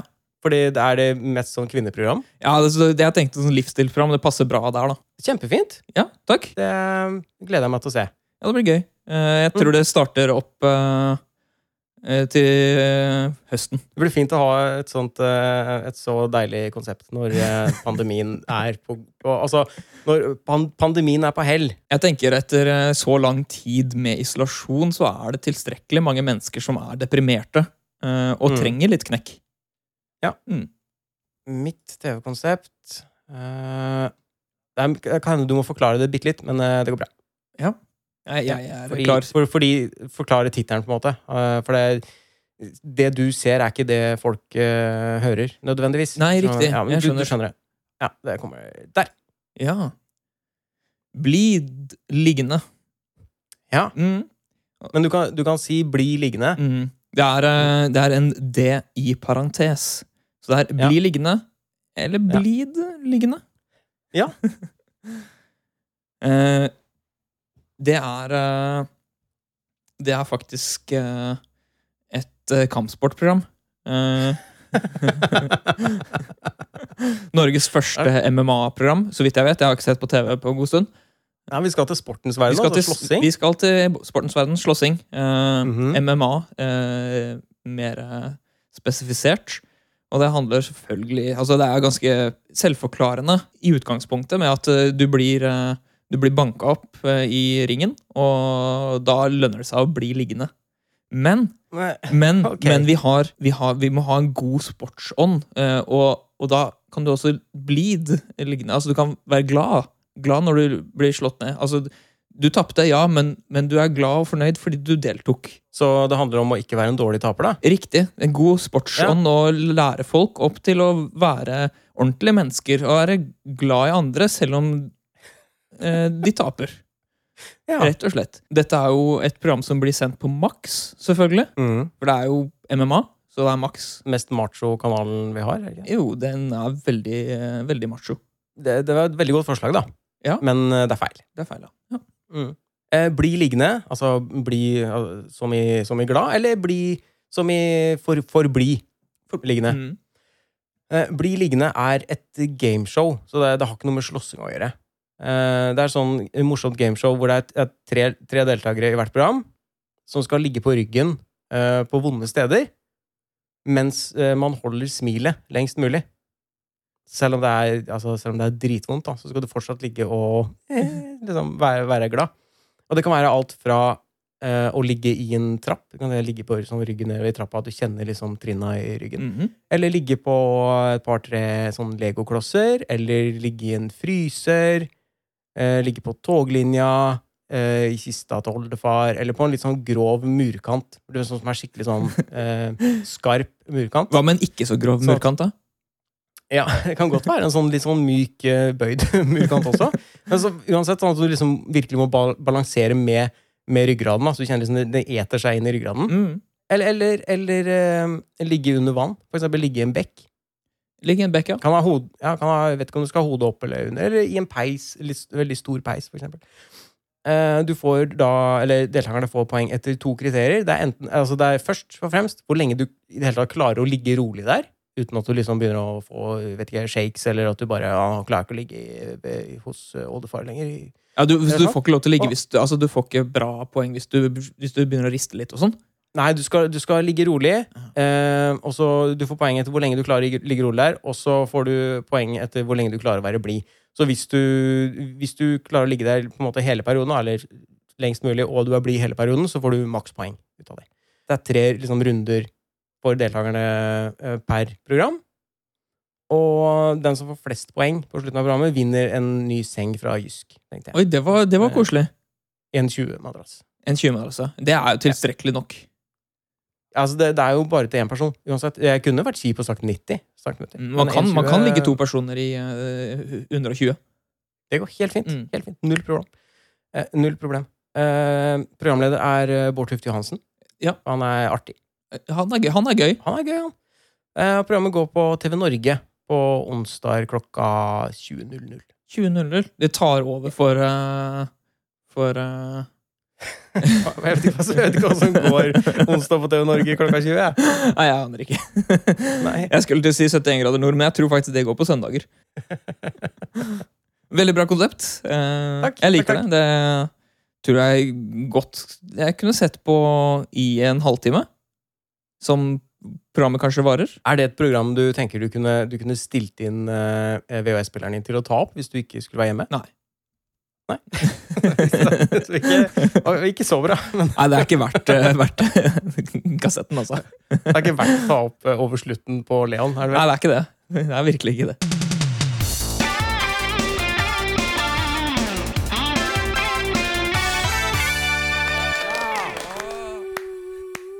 Har du Har du Har du? Har du? Har du noen i skammekroken i dag? Det har jeg ikke. Har du? Jeg har ikke noen i skammekroken. Nei? Da hopper vi elegant over den. Det gjør vi. Og da er vi på den morsomme spalten. Har du lært noe siden sist? Ja, hva har du, hva har du lært siden sist? Jeg har lært at aluminiumsfolie på induksjonsovn er en vanvittig dårlig idé.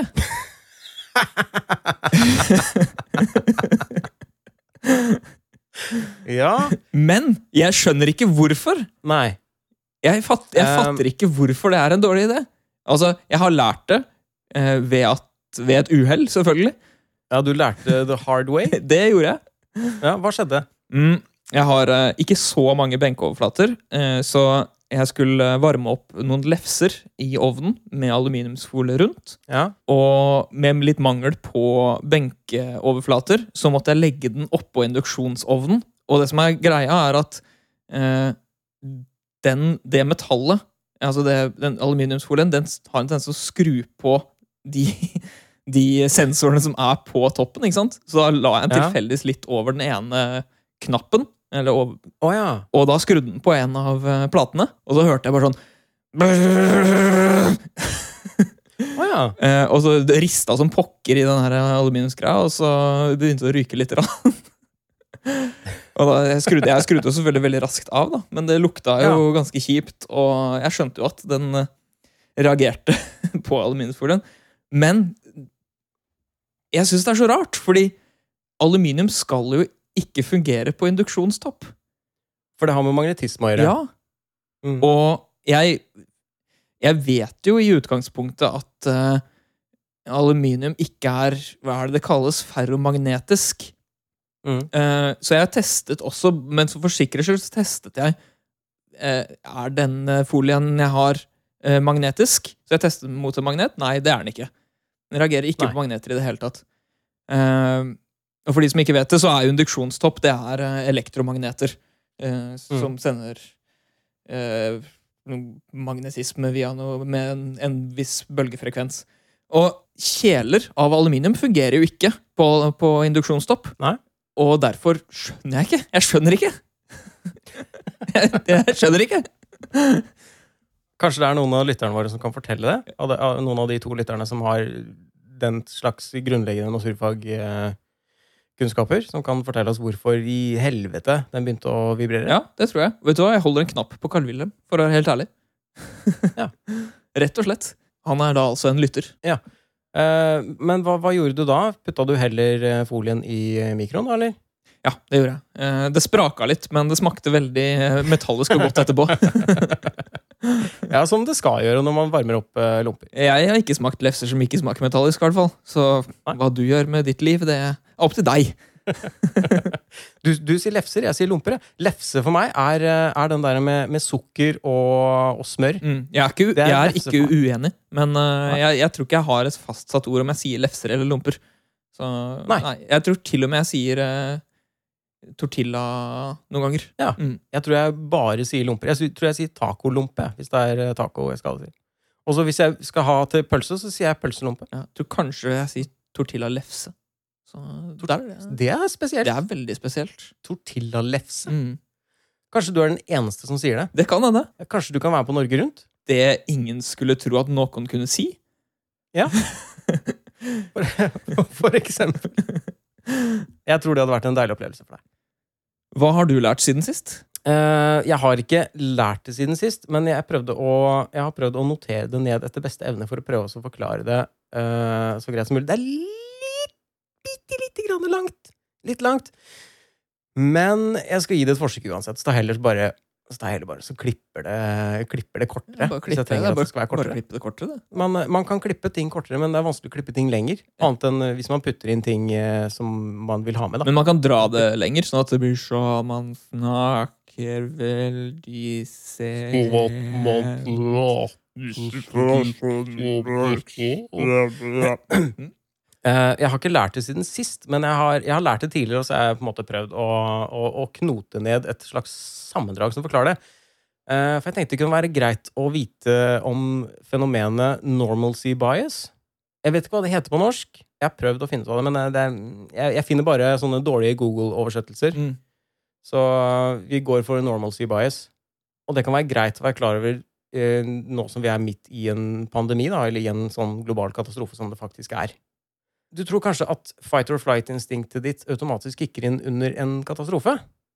Det stemmer ikke. Isteden så blir man gjerne usannsynlig rolig og oppfører seg som alt er tilnærma normalt i en sånn situasjon. Sånn at du tenker sånn Ja, det går sikkert fint. Det ordner seg. Det går bra. Mhm. Om du visste at en massiv, ødeleggende og helt livsfarlig storm var på vei mot der du bodde, hva ville du da gjort? Ville du ringt de du er glad i? Ville du gått ut for å sjekke om du kunne se på en måte stormfronten som er på vei mot deg? Eller ville du barrikadert deg på badet? Det er, liksom, det, er, det er mange muligheter. Men uansett hva man opplever i livet, så er den aller første reaksjonen din å analysere den opp mot hva som er normalt for deg.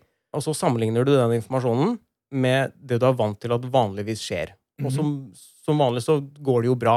Du kommer som regel helskinna ut av en situasjon. Som oftest. Det, det pleier å ordne seg, ellers så hadde du ikke fortsatt vært her. Derfor så har mennesker en tendens til å tolke farlige og skremmende situasjoner som om de er dagligdagse og ufarlige, selv om de egentlig kan være livstruende. Og jeg tenkte det er litt, det er litt dagsaktuelt nå, med tanke på sånn du har sett folk oppfører seg. Eh, Jeg så en artikkel nå hvor folk eh, nå i helga har vært på Grünerløkka i Oslo. Enorme folkemengder som er ute, og de bare driter i konsekvensene, for de tenker at det er, det er ikke så stress. Jeg er jo ikke dødd ennå. Nei, nei, de har jo ikke dødd ennå. Nei. I løpet av tre dager i 1999 så var det en rekke tornadoer som pløyde gjennom landsbygda i Oklahoma og jevna det aller meste som var der, med jorda. Blant de tornadoene så var det en som fikk navnet Bridge Creek Moore F5. Eh, du har hørt om den F-skalaen, sikkert? Jeg hørte om den. Eh, ja, jeg vet ikke om du har sett filmen eh, Twister? Der er det vel en F5, Hva de kaller for Finger of God. Mm. Eh, F5 kommer fra det som kalles Fujita-skalaen, og den går fra F1 til F5. Eh, altså ikke så langt som F-tastene på tastaturet ditt, for din går kanskje helt til 12? Ja, helt til sant? tolv, faktisk. Ja, helt til 12, ja. Men eh, Fujita-skalaen går bare til eh, F5, da. Eh, og den skalaen forteller hvor kraftig en tornado er. F4 betyr at den eh, kan plukke opp og kaste biler gjennom lufta, og plukke fra hverandre hus. Ganske enkelt. For å kvalifisere til F5 så må vindhastigheten opp i 320 km i timen. Det er ganske heftig. Vindhastigheten til Bridge Creek Moore den kom opp i 514 km i timen. Så det er helt insane. Det er ganske raskt. Det ble sendt ut advarsler 13 minutter i forveien, men eh, det var mange som ikke gjorde noen ting, og det forholdt seg som vanlig. Eh, og folk bare surra rundt som de pleide, og så håpa bare at tornadoen skulle enten spare dem og ikke, ikke treffe akkurat der de bodde, eller ikke bli fullt så ille som det ble advart. da. Og de prøvde ikke å komme seg i sikkerhet, men de skulle heller bare bli der hun var og bare satse på at det, det går greit denne gangen. Det har alltid, alltid gått greit før. Det har kommet tornado før, og ordner seg. Eh, fasiten der ble 8000 ødelagte hjem, og 36 mennesker mista livet. Så det, var mange, det var mange som eh, hadde tatt eh, litt eh, precautions. Det var ikke så mange som Altså, Hvor mange hus hadde det vært som ødelagt? 8000. 8000. Det er rart at ingen var hjemme, liksom. Altså, hvis, eh, Ja. ja. Noen må jo ha flytta på seg. Ja, selvfølgelig. Noen flytter på seg, men det er, også, det er også mange som ikke gjør det. Det hadde selvfølgelig dødd mange flere hvis ikke hadde kommet noen advarsel i det hele tatt. Det var en lignende tornado i eh, 1925 som drepte 695 mennesker, og da kom det ingen advarsel. Så det er selvfølgelig noen som følger, eh, som følger råd, og sånn som går, men det er de som ikke gjør det, og det er grunnen til de eh, Og det er normalcy bias som gjør at folk ikke gjør det. Mm. For de tenker at det, det går, går greit. Det er ikke sånn som på film at absolutt alle bare evakuerer i full panikk så fort de vet at en katastrofe er på vei. Sånn hvor de løper og veiver med armene og røsker med alt du har. og Nei, for jeg, jeg har en liten greie som jeg tenkte umiddelbart på når du nevnte det. Og det er eh, gjerne relatert til Hollywood-filmer eller amerikanske filmer. da.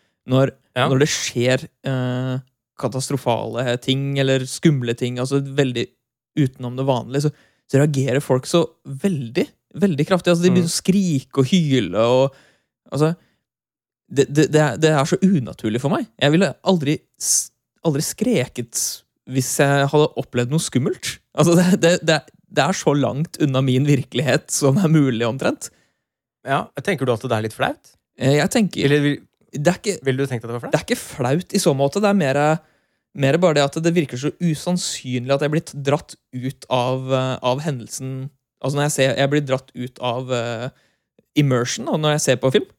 Jeg, jeg, jeg liker det ikke i det hele tatt. Der, derfor så kan jeg ha en tendens til å like mm, like medier fra, fra andre steder enn USA, da, fordi de har en tendens til å ikke overdrive på samme måte. Så det føles mer virkelighetsnært. Mm. Psykologer kaller det for normalcy bias, og man kan også beskrive det som en slags negativ panikk. For folk blir sånn merkelig rolige, og de kan finne på å, å be andre som, som, friker ut, om å roe seg ned og slappe av, og ikke være så hysteriske. Mm. Høres det kjent ut? Ja, ja. ja for det, liksom, det, har vært jordskjelv før, og det har vært flom før, og det har vært influensaer før, og den greia der. ikke sant? Det var en flyulykke i 1977 der det var to fly som krasja med hverandre på rullebanen. Det ene flyet brant opp jeg tror det var fra KLM, det brant opp, brant opp så fort at uh, alle om bord rett og slett altså gikk i oppløsning instantly mm. på, grunn av, på grunn av flybensina. Eh, I det andre flyet så var i, i de aller fleste i live, men eh, det var veldig mange som lot være å gjøre noe for å redde seg sjøl. Flyet begynte etter hvert også å brenne, og det var mange, veldig mange som døde ved at de bare ble sittende i setet uten å gjøre noe sånn apatisk. Satt egentlig bare venta på å bli redda. Okay. Folk som overlevde, har i ettertid fortalt at uh, de så venner og kollegaer bare sitte der med et sånt tomt blikk og henda i fanget, og var på en måte paralysert av hele situasjonen og ble sånn veldig sånn tiltaksløse og, og apatiske og satt, satt bare og venta på å bli redda. De hadde ca. ett minutt på seg til å komme seg ut av setet, ta, altså ta beltet, komme seg ut av flyet før eh, det var en drivstofftank som eksploderte, og så tok livet av de som var igjen på flyet. Men du nevnte jo uh, kort uh, fight or flight, uh, og da vil jeg også legge til den tredje, som også er en vanlig reaksjon hos mennesker. Fight, flight or freeze. ja.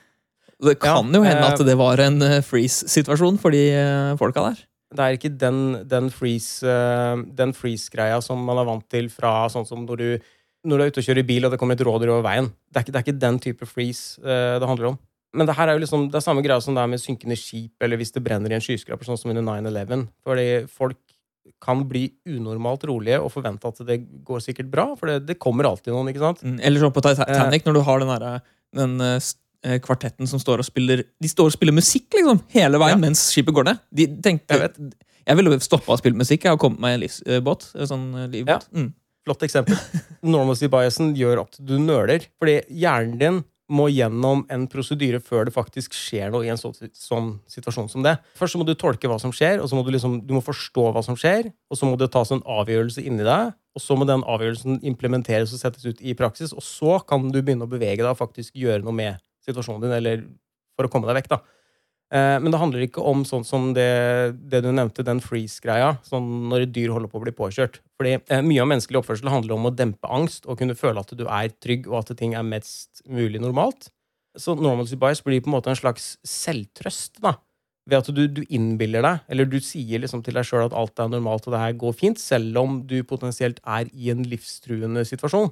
Mm. For du tror, selv om du sitter i et fly som brenner, så tror du at du er trygg, og at det som skjer rundt deg, på en måte ikke angår deg. Det går utover alle andre. andre de andre brenner igjen, men det går sikkert fint med deg. Flammene kommer ikke til deg.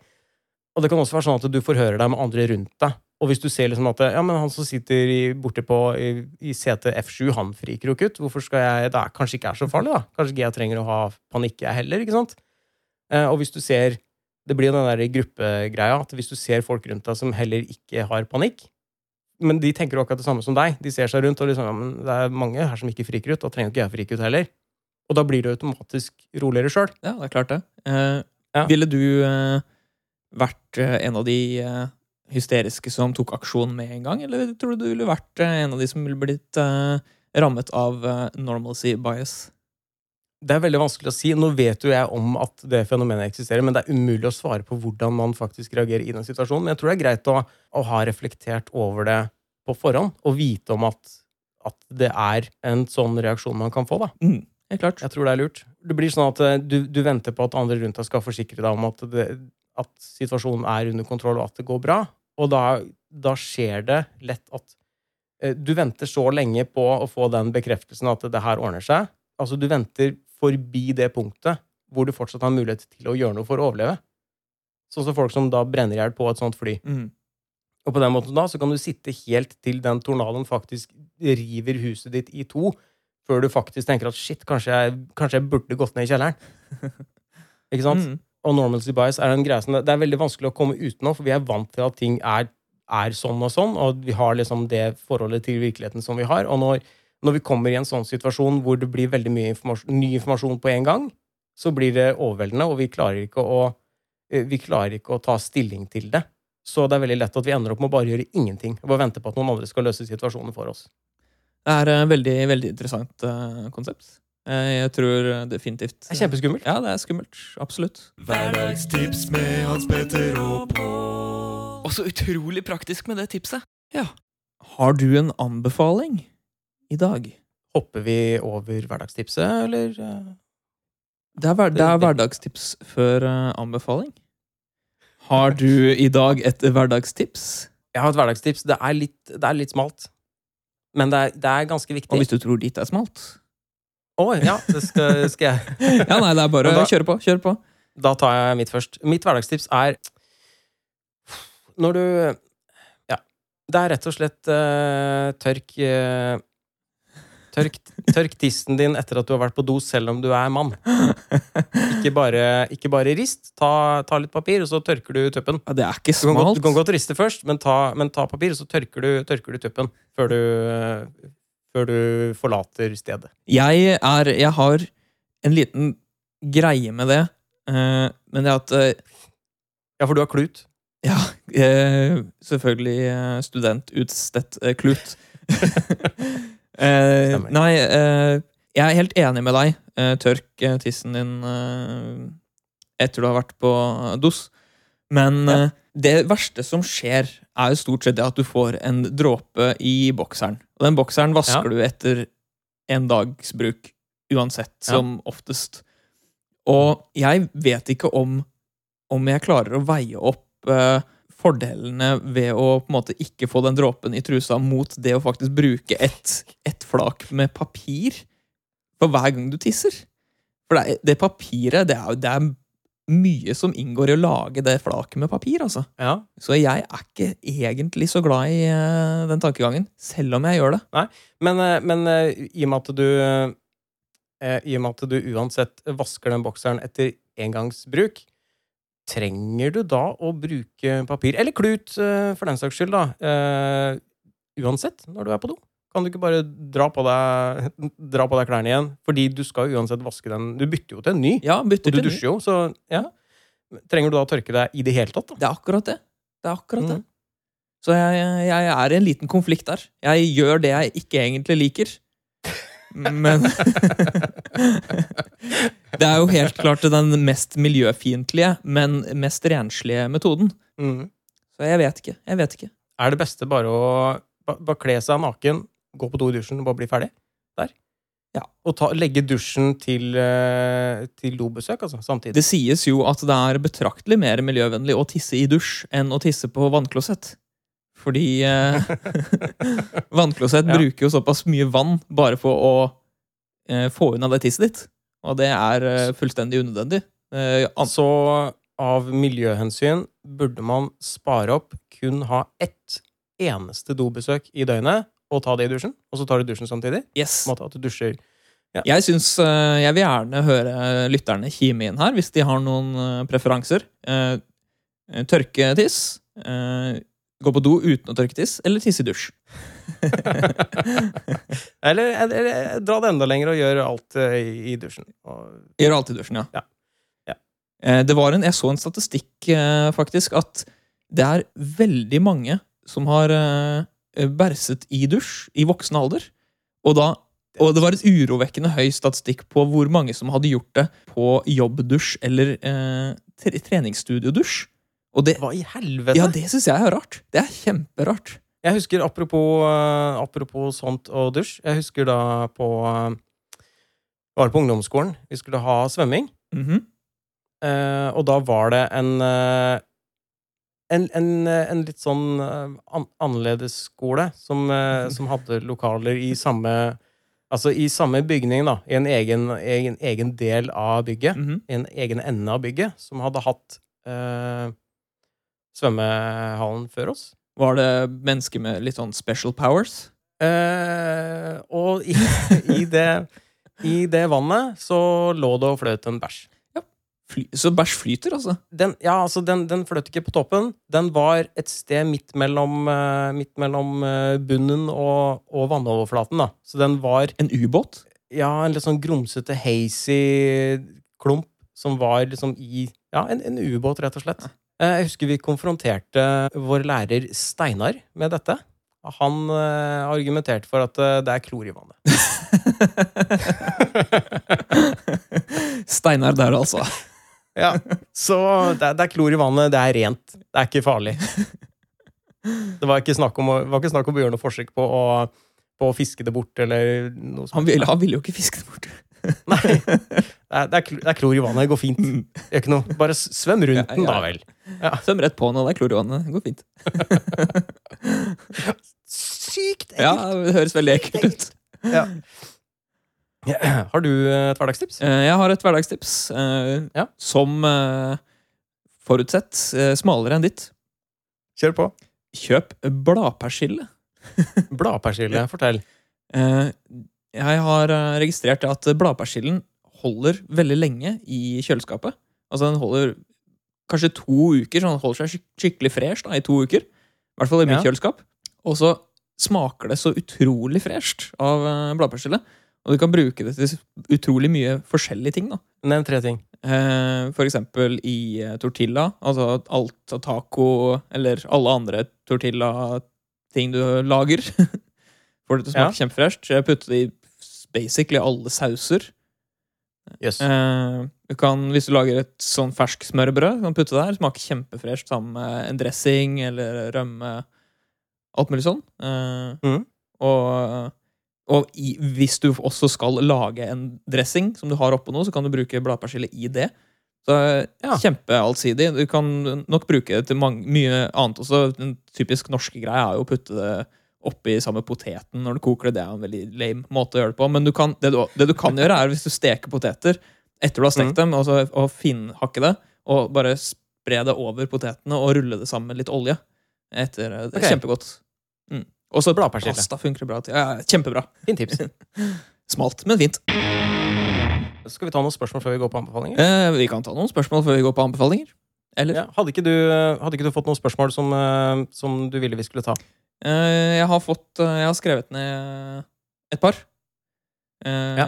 Jeg har ett. Vi kan ta det etterpå. Mm, ja, riktig. Mm. Jeg, har- jeg har et, ja. Vi kan ta det. Spørsmål nummer én er fra Elin. Hei, Elin. Hei, Elin. Eh, hva er deres sterkeste musikkopplevelse slash minne? Det syns jeg er litt vanskelig. Den er kjempevanskelig. Ja. Det skal sies at uh, dette spørsmålet er lenge siden vi fikk, og det er uh, min skyld at vi ikke har svart på det ennå, fordi jeg syns det var så vanskelig å bestemme meg at jeg har bare utsatt det og utsatt det. Eh, Jeg kan jo si at jeg har ikke hatt noen, eh, noen så sterke eh, musikkopplevelser siden det spørsmålet ble stilt, at det har forandra på det jeg eventuelt vil svare. Det har ikke jeg heller. Nei. Så vi kunne svart på det tidligere. Det kunne vi absolutt. Men sterk, sterkeste, altså mest positive, da, eller?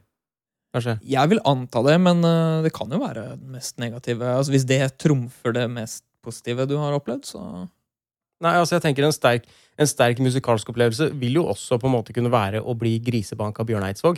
Det vil jeg anta.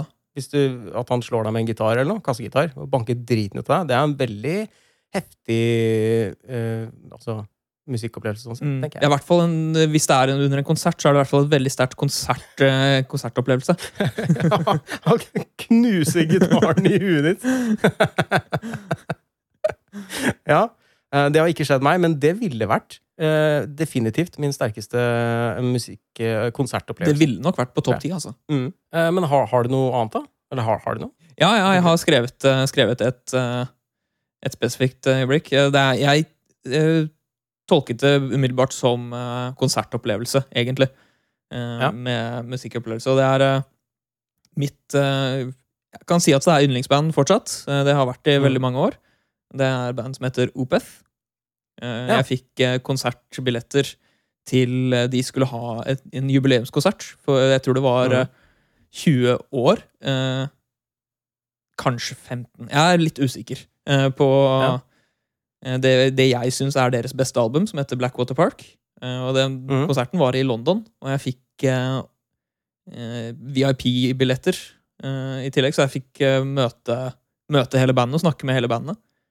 I tillegg, Og det var eh, en fantastisk konsert. Alt, alt klaffa, liksom. De spilte så bra, og eh, de var liksom skikkelig i storform, og hele stemningen på arenaen var så fin, og alle var der liksom for å se, se dem og ikke lage kvalm. og eh, Supert.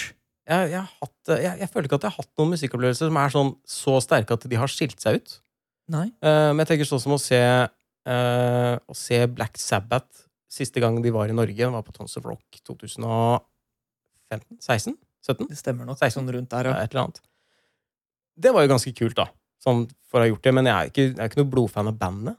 Eh, jeg husker en gang for mange år siden hvor eh, jeg var på Nightwish-konsert og møtte Nightwish. Sånn, de hadde sånn signering før jeg var blodfan av Nightwish. da. Mm. Eh, hvor vi kunne møte, møte bandet med sånn, sånn signeringsgreie på det var Free Record Shop i Oslo. Ja, riktig. I forkant av konserten. Det var en veldig kul opplevelse, husker jeg. Men sånn ellers jeg, Det er vel ingen sånne musikkopplevelser som har gått så veldig innpå meg, egentlig. Nei. Eh, var, det, var det hele spørsmålet, eller gjelder det liksom eh, altså, musikk man har kjøpt uh, og sånn i tillegg? Det er spørsmål nummer to. Uh, hva var den første kassetten slash CD slash LP som du, dere, kjøpte? Det står ikke 'kjøpte', det står bare 'første'. Faktisk så antar jeg at det er første man skaffet seg. Ja.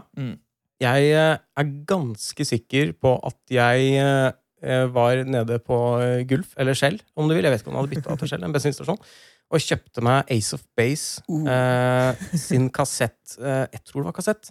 Happy Nation. Jeg tror den het det. Classic Ace Ja, of Base. hvor det var alt av de hitene eh, All That She Wants eh, og Happy Nation, da, som var liksom main-låta der. Fortsatt blodfan av Ace of Base for øvrig? eller? Fortsatt, fortsatt selvfølgelig blodfan. Jeg husker jeg syns eh, Jeg vet ikke hvor gammel jeg var da. 11-12 år. Jeg husker jeg syns de jentene var veldig pene. Ace of Base. Det var mye, mye av den, det som eh, styrte preferansene på den, eh, den, ja, den aldersgruppa Ja, herregud. Ja, herregud. Jeg, jeg kjøpte jo Spice Girls-albumet. Ja, jeg hadde Spice Girls-plakat, jeg, altså.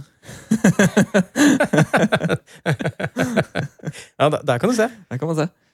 Eh, min første, første Det var CD, da. Mm. Det var eh, High-tech. Ja, high-tech. Jeg tror jeg var sånn seks-syv år gammel, tenker jeg. Den fikk jeg Mm. av uh, min far. Og det var uh, Motorhead sitt album Ace of Spades, Yes. faktisk. det er altså da min første CD. Ja. Så han la lista der, og den fulgte jeg jo resten av livet, tydeligvis. Ja, det er Veldig kult å ha det som første CD. Ja, ja. Ikke noe sånn barnslig sånn, sånn Bamse verdens sterkeste Bjørns beste hits eller noe sånt. Det ville jo vært det naturlige. Helt klart. Når du er seks-sju år. Ja, nei, Jeg er helt enig. Eh, vanvittig kult eh, første album. Eh, det gikk det- det jo nedover det etter er- det, men eh, greit nok. Det er så kult at jeg har ikke lyst til å tro på det. Nei, ikke sant? Nei, jeg har ikke lyst til å tro på det, men det er for, det er, er for kult. Mm. Det burde ikke være greit. Men andre, da? Var det sånn bamsekassett? Eh, andre tingen Altså, det må være det jeg kjøpte selv, da, vil jeg anta. Og det var Jeg tror kanskje det var Marshall Matters eh, LP av Eminem. Ah, ja. Altså ikke en, ikke en fysisk LP, den het Marshall Matters LP.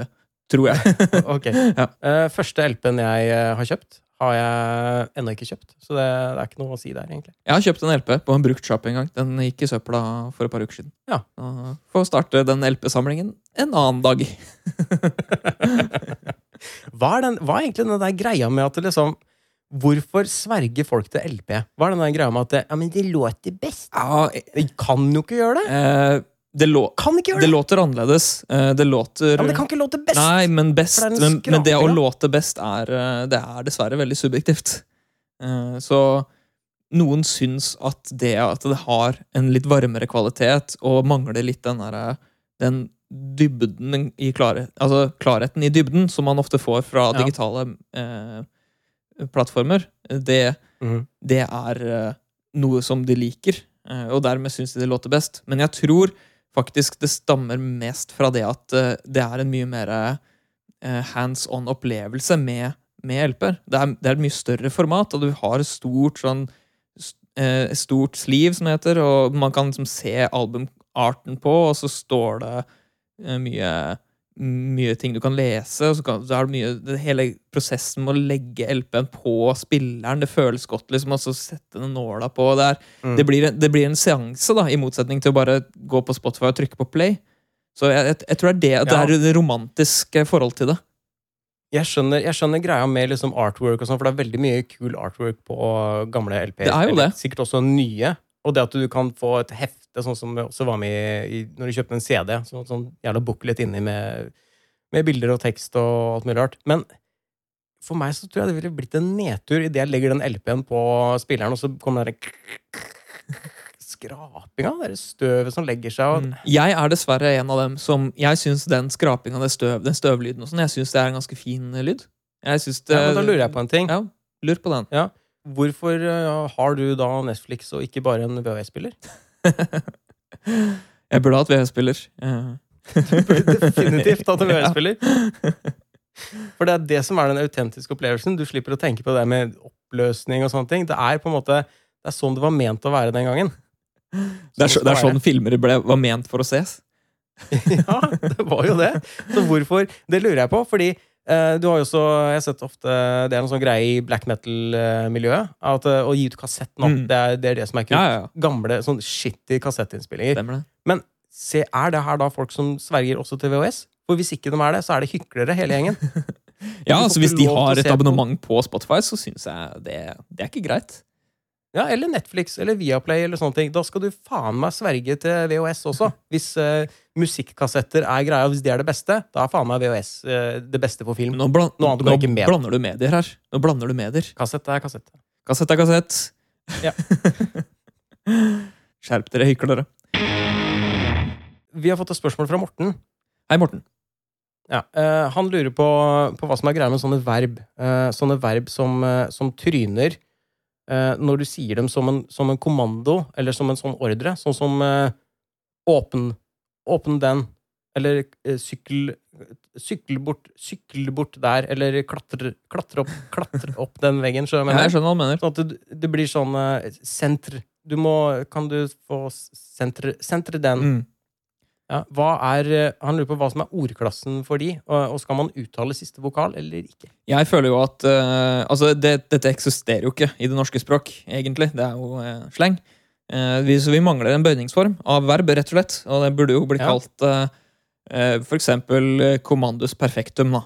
Det, For da å åpne, er det infinitiv? Er det heter? å åpne er vel infinitiv. Da er det? Er det? Jeg, jeg husker ikke. Hvis ikke det er presens. Presens. Ja, Men det er, er ikke presens åpner? Jo, et, jo, jeg tror det så er det infinitiv. Det er å åpne. Ja, og så har du preteritum, som er åpnet. Og så har du perfektum, tror jeg, som er eh, har åpnet. Men hva er perfektum partisipp? det er det, vet du! Hva er det? Hva er det for noe? Er det, Er, er det egentlig det... kommandus imperfektum? Mm, Nei, det, tror jeg Jeg tror heller ikke det er det. Nei, Men jeg er med på, på at det burde hete noe eget. Men uh, commandus im imperfectum Stemmer. Commandus imperfectum er altså hvis du skal si til noen uh, 'åpne døra'. Mm. Skrives det ÅPN? Åpen? Ja. Åpen døra. Ja. Åpen. Uh, sykkel, hvilke andre har vi? Sykkel, klatre, uh, hindr. Gå hindr. Gå hindre han i å komme inn. Ja, ja hin, hinder han. Hin, Ja, du sier ikke 'gå og hindre'. nei, Det blir så veldig rart. det er bare hinder han. Hindr. Mm. Eller hun. Eller Gå hun. i Eller, eller, ja. eller Vi lever jo tross alt i 2020. Da er det riktig å si uh, 'hindre hen i å komme Ja, stemmer. Da har vi svart på det. Da har vi svart på det.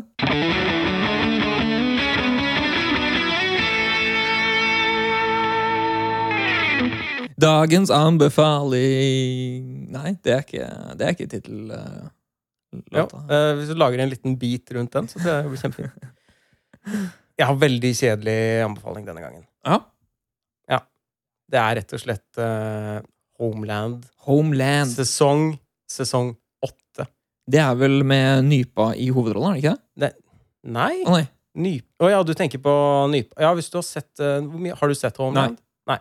Det er jo en sånn anti, litt sånn antiterrorserie som, som gjør det Altså, det er, det er litt mer seriøst lagt opp enn sånn som for eksempel uh, 24, da. Riktig. Med, med Queefer Sutherland. Quave. Quaif, Quafer? Qua Quaker? Quakers, det er uh, frokostblanding, tror jeg. tror du de har noe med kvekerne å gjøre, for øvrig? Eh, mm, ja, hvem var det igjen? Eh, Det er de som eh, tror eh, at det er dommedag eh, veldig ofte, så vidt jeg vet. Ja, er det, er det Ja, jeg lurer på om, eh, om de der eh, mormonerne Nei, ikke mormonerne, men eh, åh, hva er de heter, da? Eh, Hormonerne. det, er, det er sånn eh, annen eh, religion også, som også spår dommedag eh, alltid. De er mer eh, kjent enn kvekere, tror jeg. Går det an å ha mormonfeil? At du har en, eh, en eller ett mormon for mye? Jeg vil anta at de fleste mormonere har eh, mor- mormonfeil. Eller, eller kanskje det er vi som har mormonfeil. Eh, At vi ikke har mormon? ja, vi, vi, Eller at vi mangler vi, det- mangler, den vi mormonen? mangler nok et mormon. Et mor, heter det ett? Ja, det er ett Det er nok ett mormon. Flere mormoner. Mor, Ja. Mormner. Jeg vet ikke om det blir eh, da Det er jo ikke et verb, så vi kan ikke bøye det med commandus imperfectum. Ja. Homeland sesong åtte der, altså. Du vil bare at man skal se sesong åtte? Eh, nei, jeg vil at man skal begynne på sesong én, men hvis man har sett til og med sesong sju, så har det vært et veldig langt opphold mellom sesong sju og sesong åtte. Så tenkte jeg bare skulle minne verden på at nå er faktisk sesong åtte kommet. Riktig. Der man er på internett og kan eh, se på ting. Så plutselig så Oi, der lå det Jøss, det ligger sesong åtte der, ja.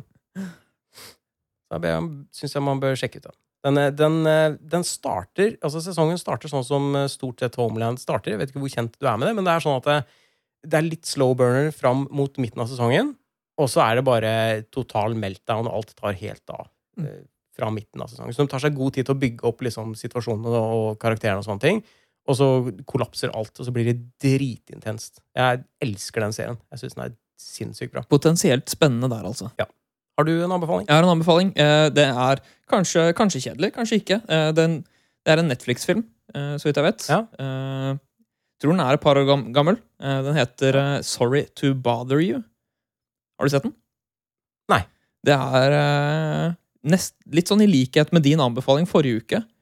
Er litt sånn Du starter å se på den, og det virker sånn noenlunde normalt, og så hva, hva Hæ? Det, det er så Det er Den er helt spasa. På en ganske Ja. kul måte. Det er masse raseelement, holdt jeg på å si, eh, inn i bildet. Eh, Det går mye, Ja. mye på På eh, Hva er det heter, da? Eh, Segregering, på en måte. Eh, Mhm. Men det er satt i en Jeg tror kanskje det er framtidsrettet verden. Eh, Det er i hvert fall en Mhm. dystopisk verden.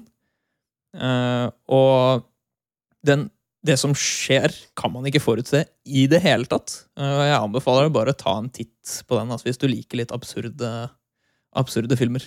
Spennende. Hva var det du sa den het? Sorry to bother you. Ja. Og den har eh, blant annet uh, Terry Cruise uh, med i filmen. Uh, Danny Glover er med i filmen. Mm. Og for eksempel han Hva er det han heter? Han som Han som er med i Kongen av Queens, han lave fyren som er en komiker. Eh, hva er det han heter igjen? Eh, Å ja, Patten Oswald? Ja. Han er, han er med som stemme i filmen. På okay. en veldig kul måte. Så han anbefales absolutt. Eh, det var kanskje alt det vi hadde da? det? Jeg tror kanskje all, det var alt det vi hadde i dag, egentlig. For det er vel leksefri pandemi, så vidt jeg har hørt. Angrer litt, angrer litt på at jeg sa det. Skulle ikke sagt det. Burde ikke sagt det. Lurer på om det var noen som fikk det med seg. Det er en viss fare for det. Neste gang så skal vi snakke om Hva skal vi snakke om da? Ja, ikke avgjort. Ja, det er ikke avgjort, det. Hvis, eh, hvis man har noen innspill, så har vi et kommentarfelt i, på Facebook. På under alle Ja. bilder og alt mulig. Og det har vært veldig kult hvis noen kunne, kunne fakse oss noen flere spørsmål. For vi har veldig få spørsmål eh, akkurat nå. Nå er vi tomme. Eh, enten så er det Enten så må vi på en måte ut på internett og så bare søke opp uh, spørsmål folk har stilt til andre om helt andre ting. det kunne vi gjort. Og bare ta med Vi kunne hatt en spalte med det det, det da. vi. Da vi svarte på spørsmål som egentlig er rettet mot andre mennesker. Men har du tilgang til faksmaskinen? For den står vel på skolen? Ja, den er kanskje i kjelleren, den. Ja, det er mulig. Eh, Sammen med vaktmester. Eh, Jeg har Jeg foretrekker brev. Fysisk brev. Ikke psykisk brev. Ikke psykisk. Det blir så stor påkjenning for lytterne. Eh, Men er det klarsynt av dere som har mulighet til å sende et psykisk brev, så hadde det vært kult å teste det om det faktisk fungerer. Mm. Jeg, tar, jeg åpner kanalene mine eh, for å få Ja. ta imot. Åpner du kanalene dine også for å gi, Eh, eller bare for å ta imot? akkurat for øyeblikket så tar jeg bare imot, dessverre. Ok, det er enveis. Jeg kunne enveis eh, kommunikasjon foreløpig. Det er kanskje noe å ta tak i senere. Det kan vi jobbe, jobbe med. Mm. Da var vel denne deilige episoden ferdig, var det ikke? Det var den. Da, da kommer vi tilbake senere. Mm. Neste, nest, kanskje neste uke. Kanskje Da får dere ha et eh, deilig ha det bra. Ha en eh, fortsatt deilig pandemi, alle sammen, så, så høres vi. Snakkast. Ha det.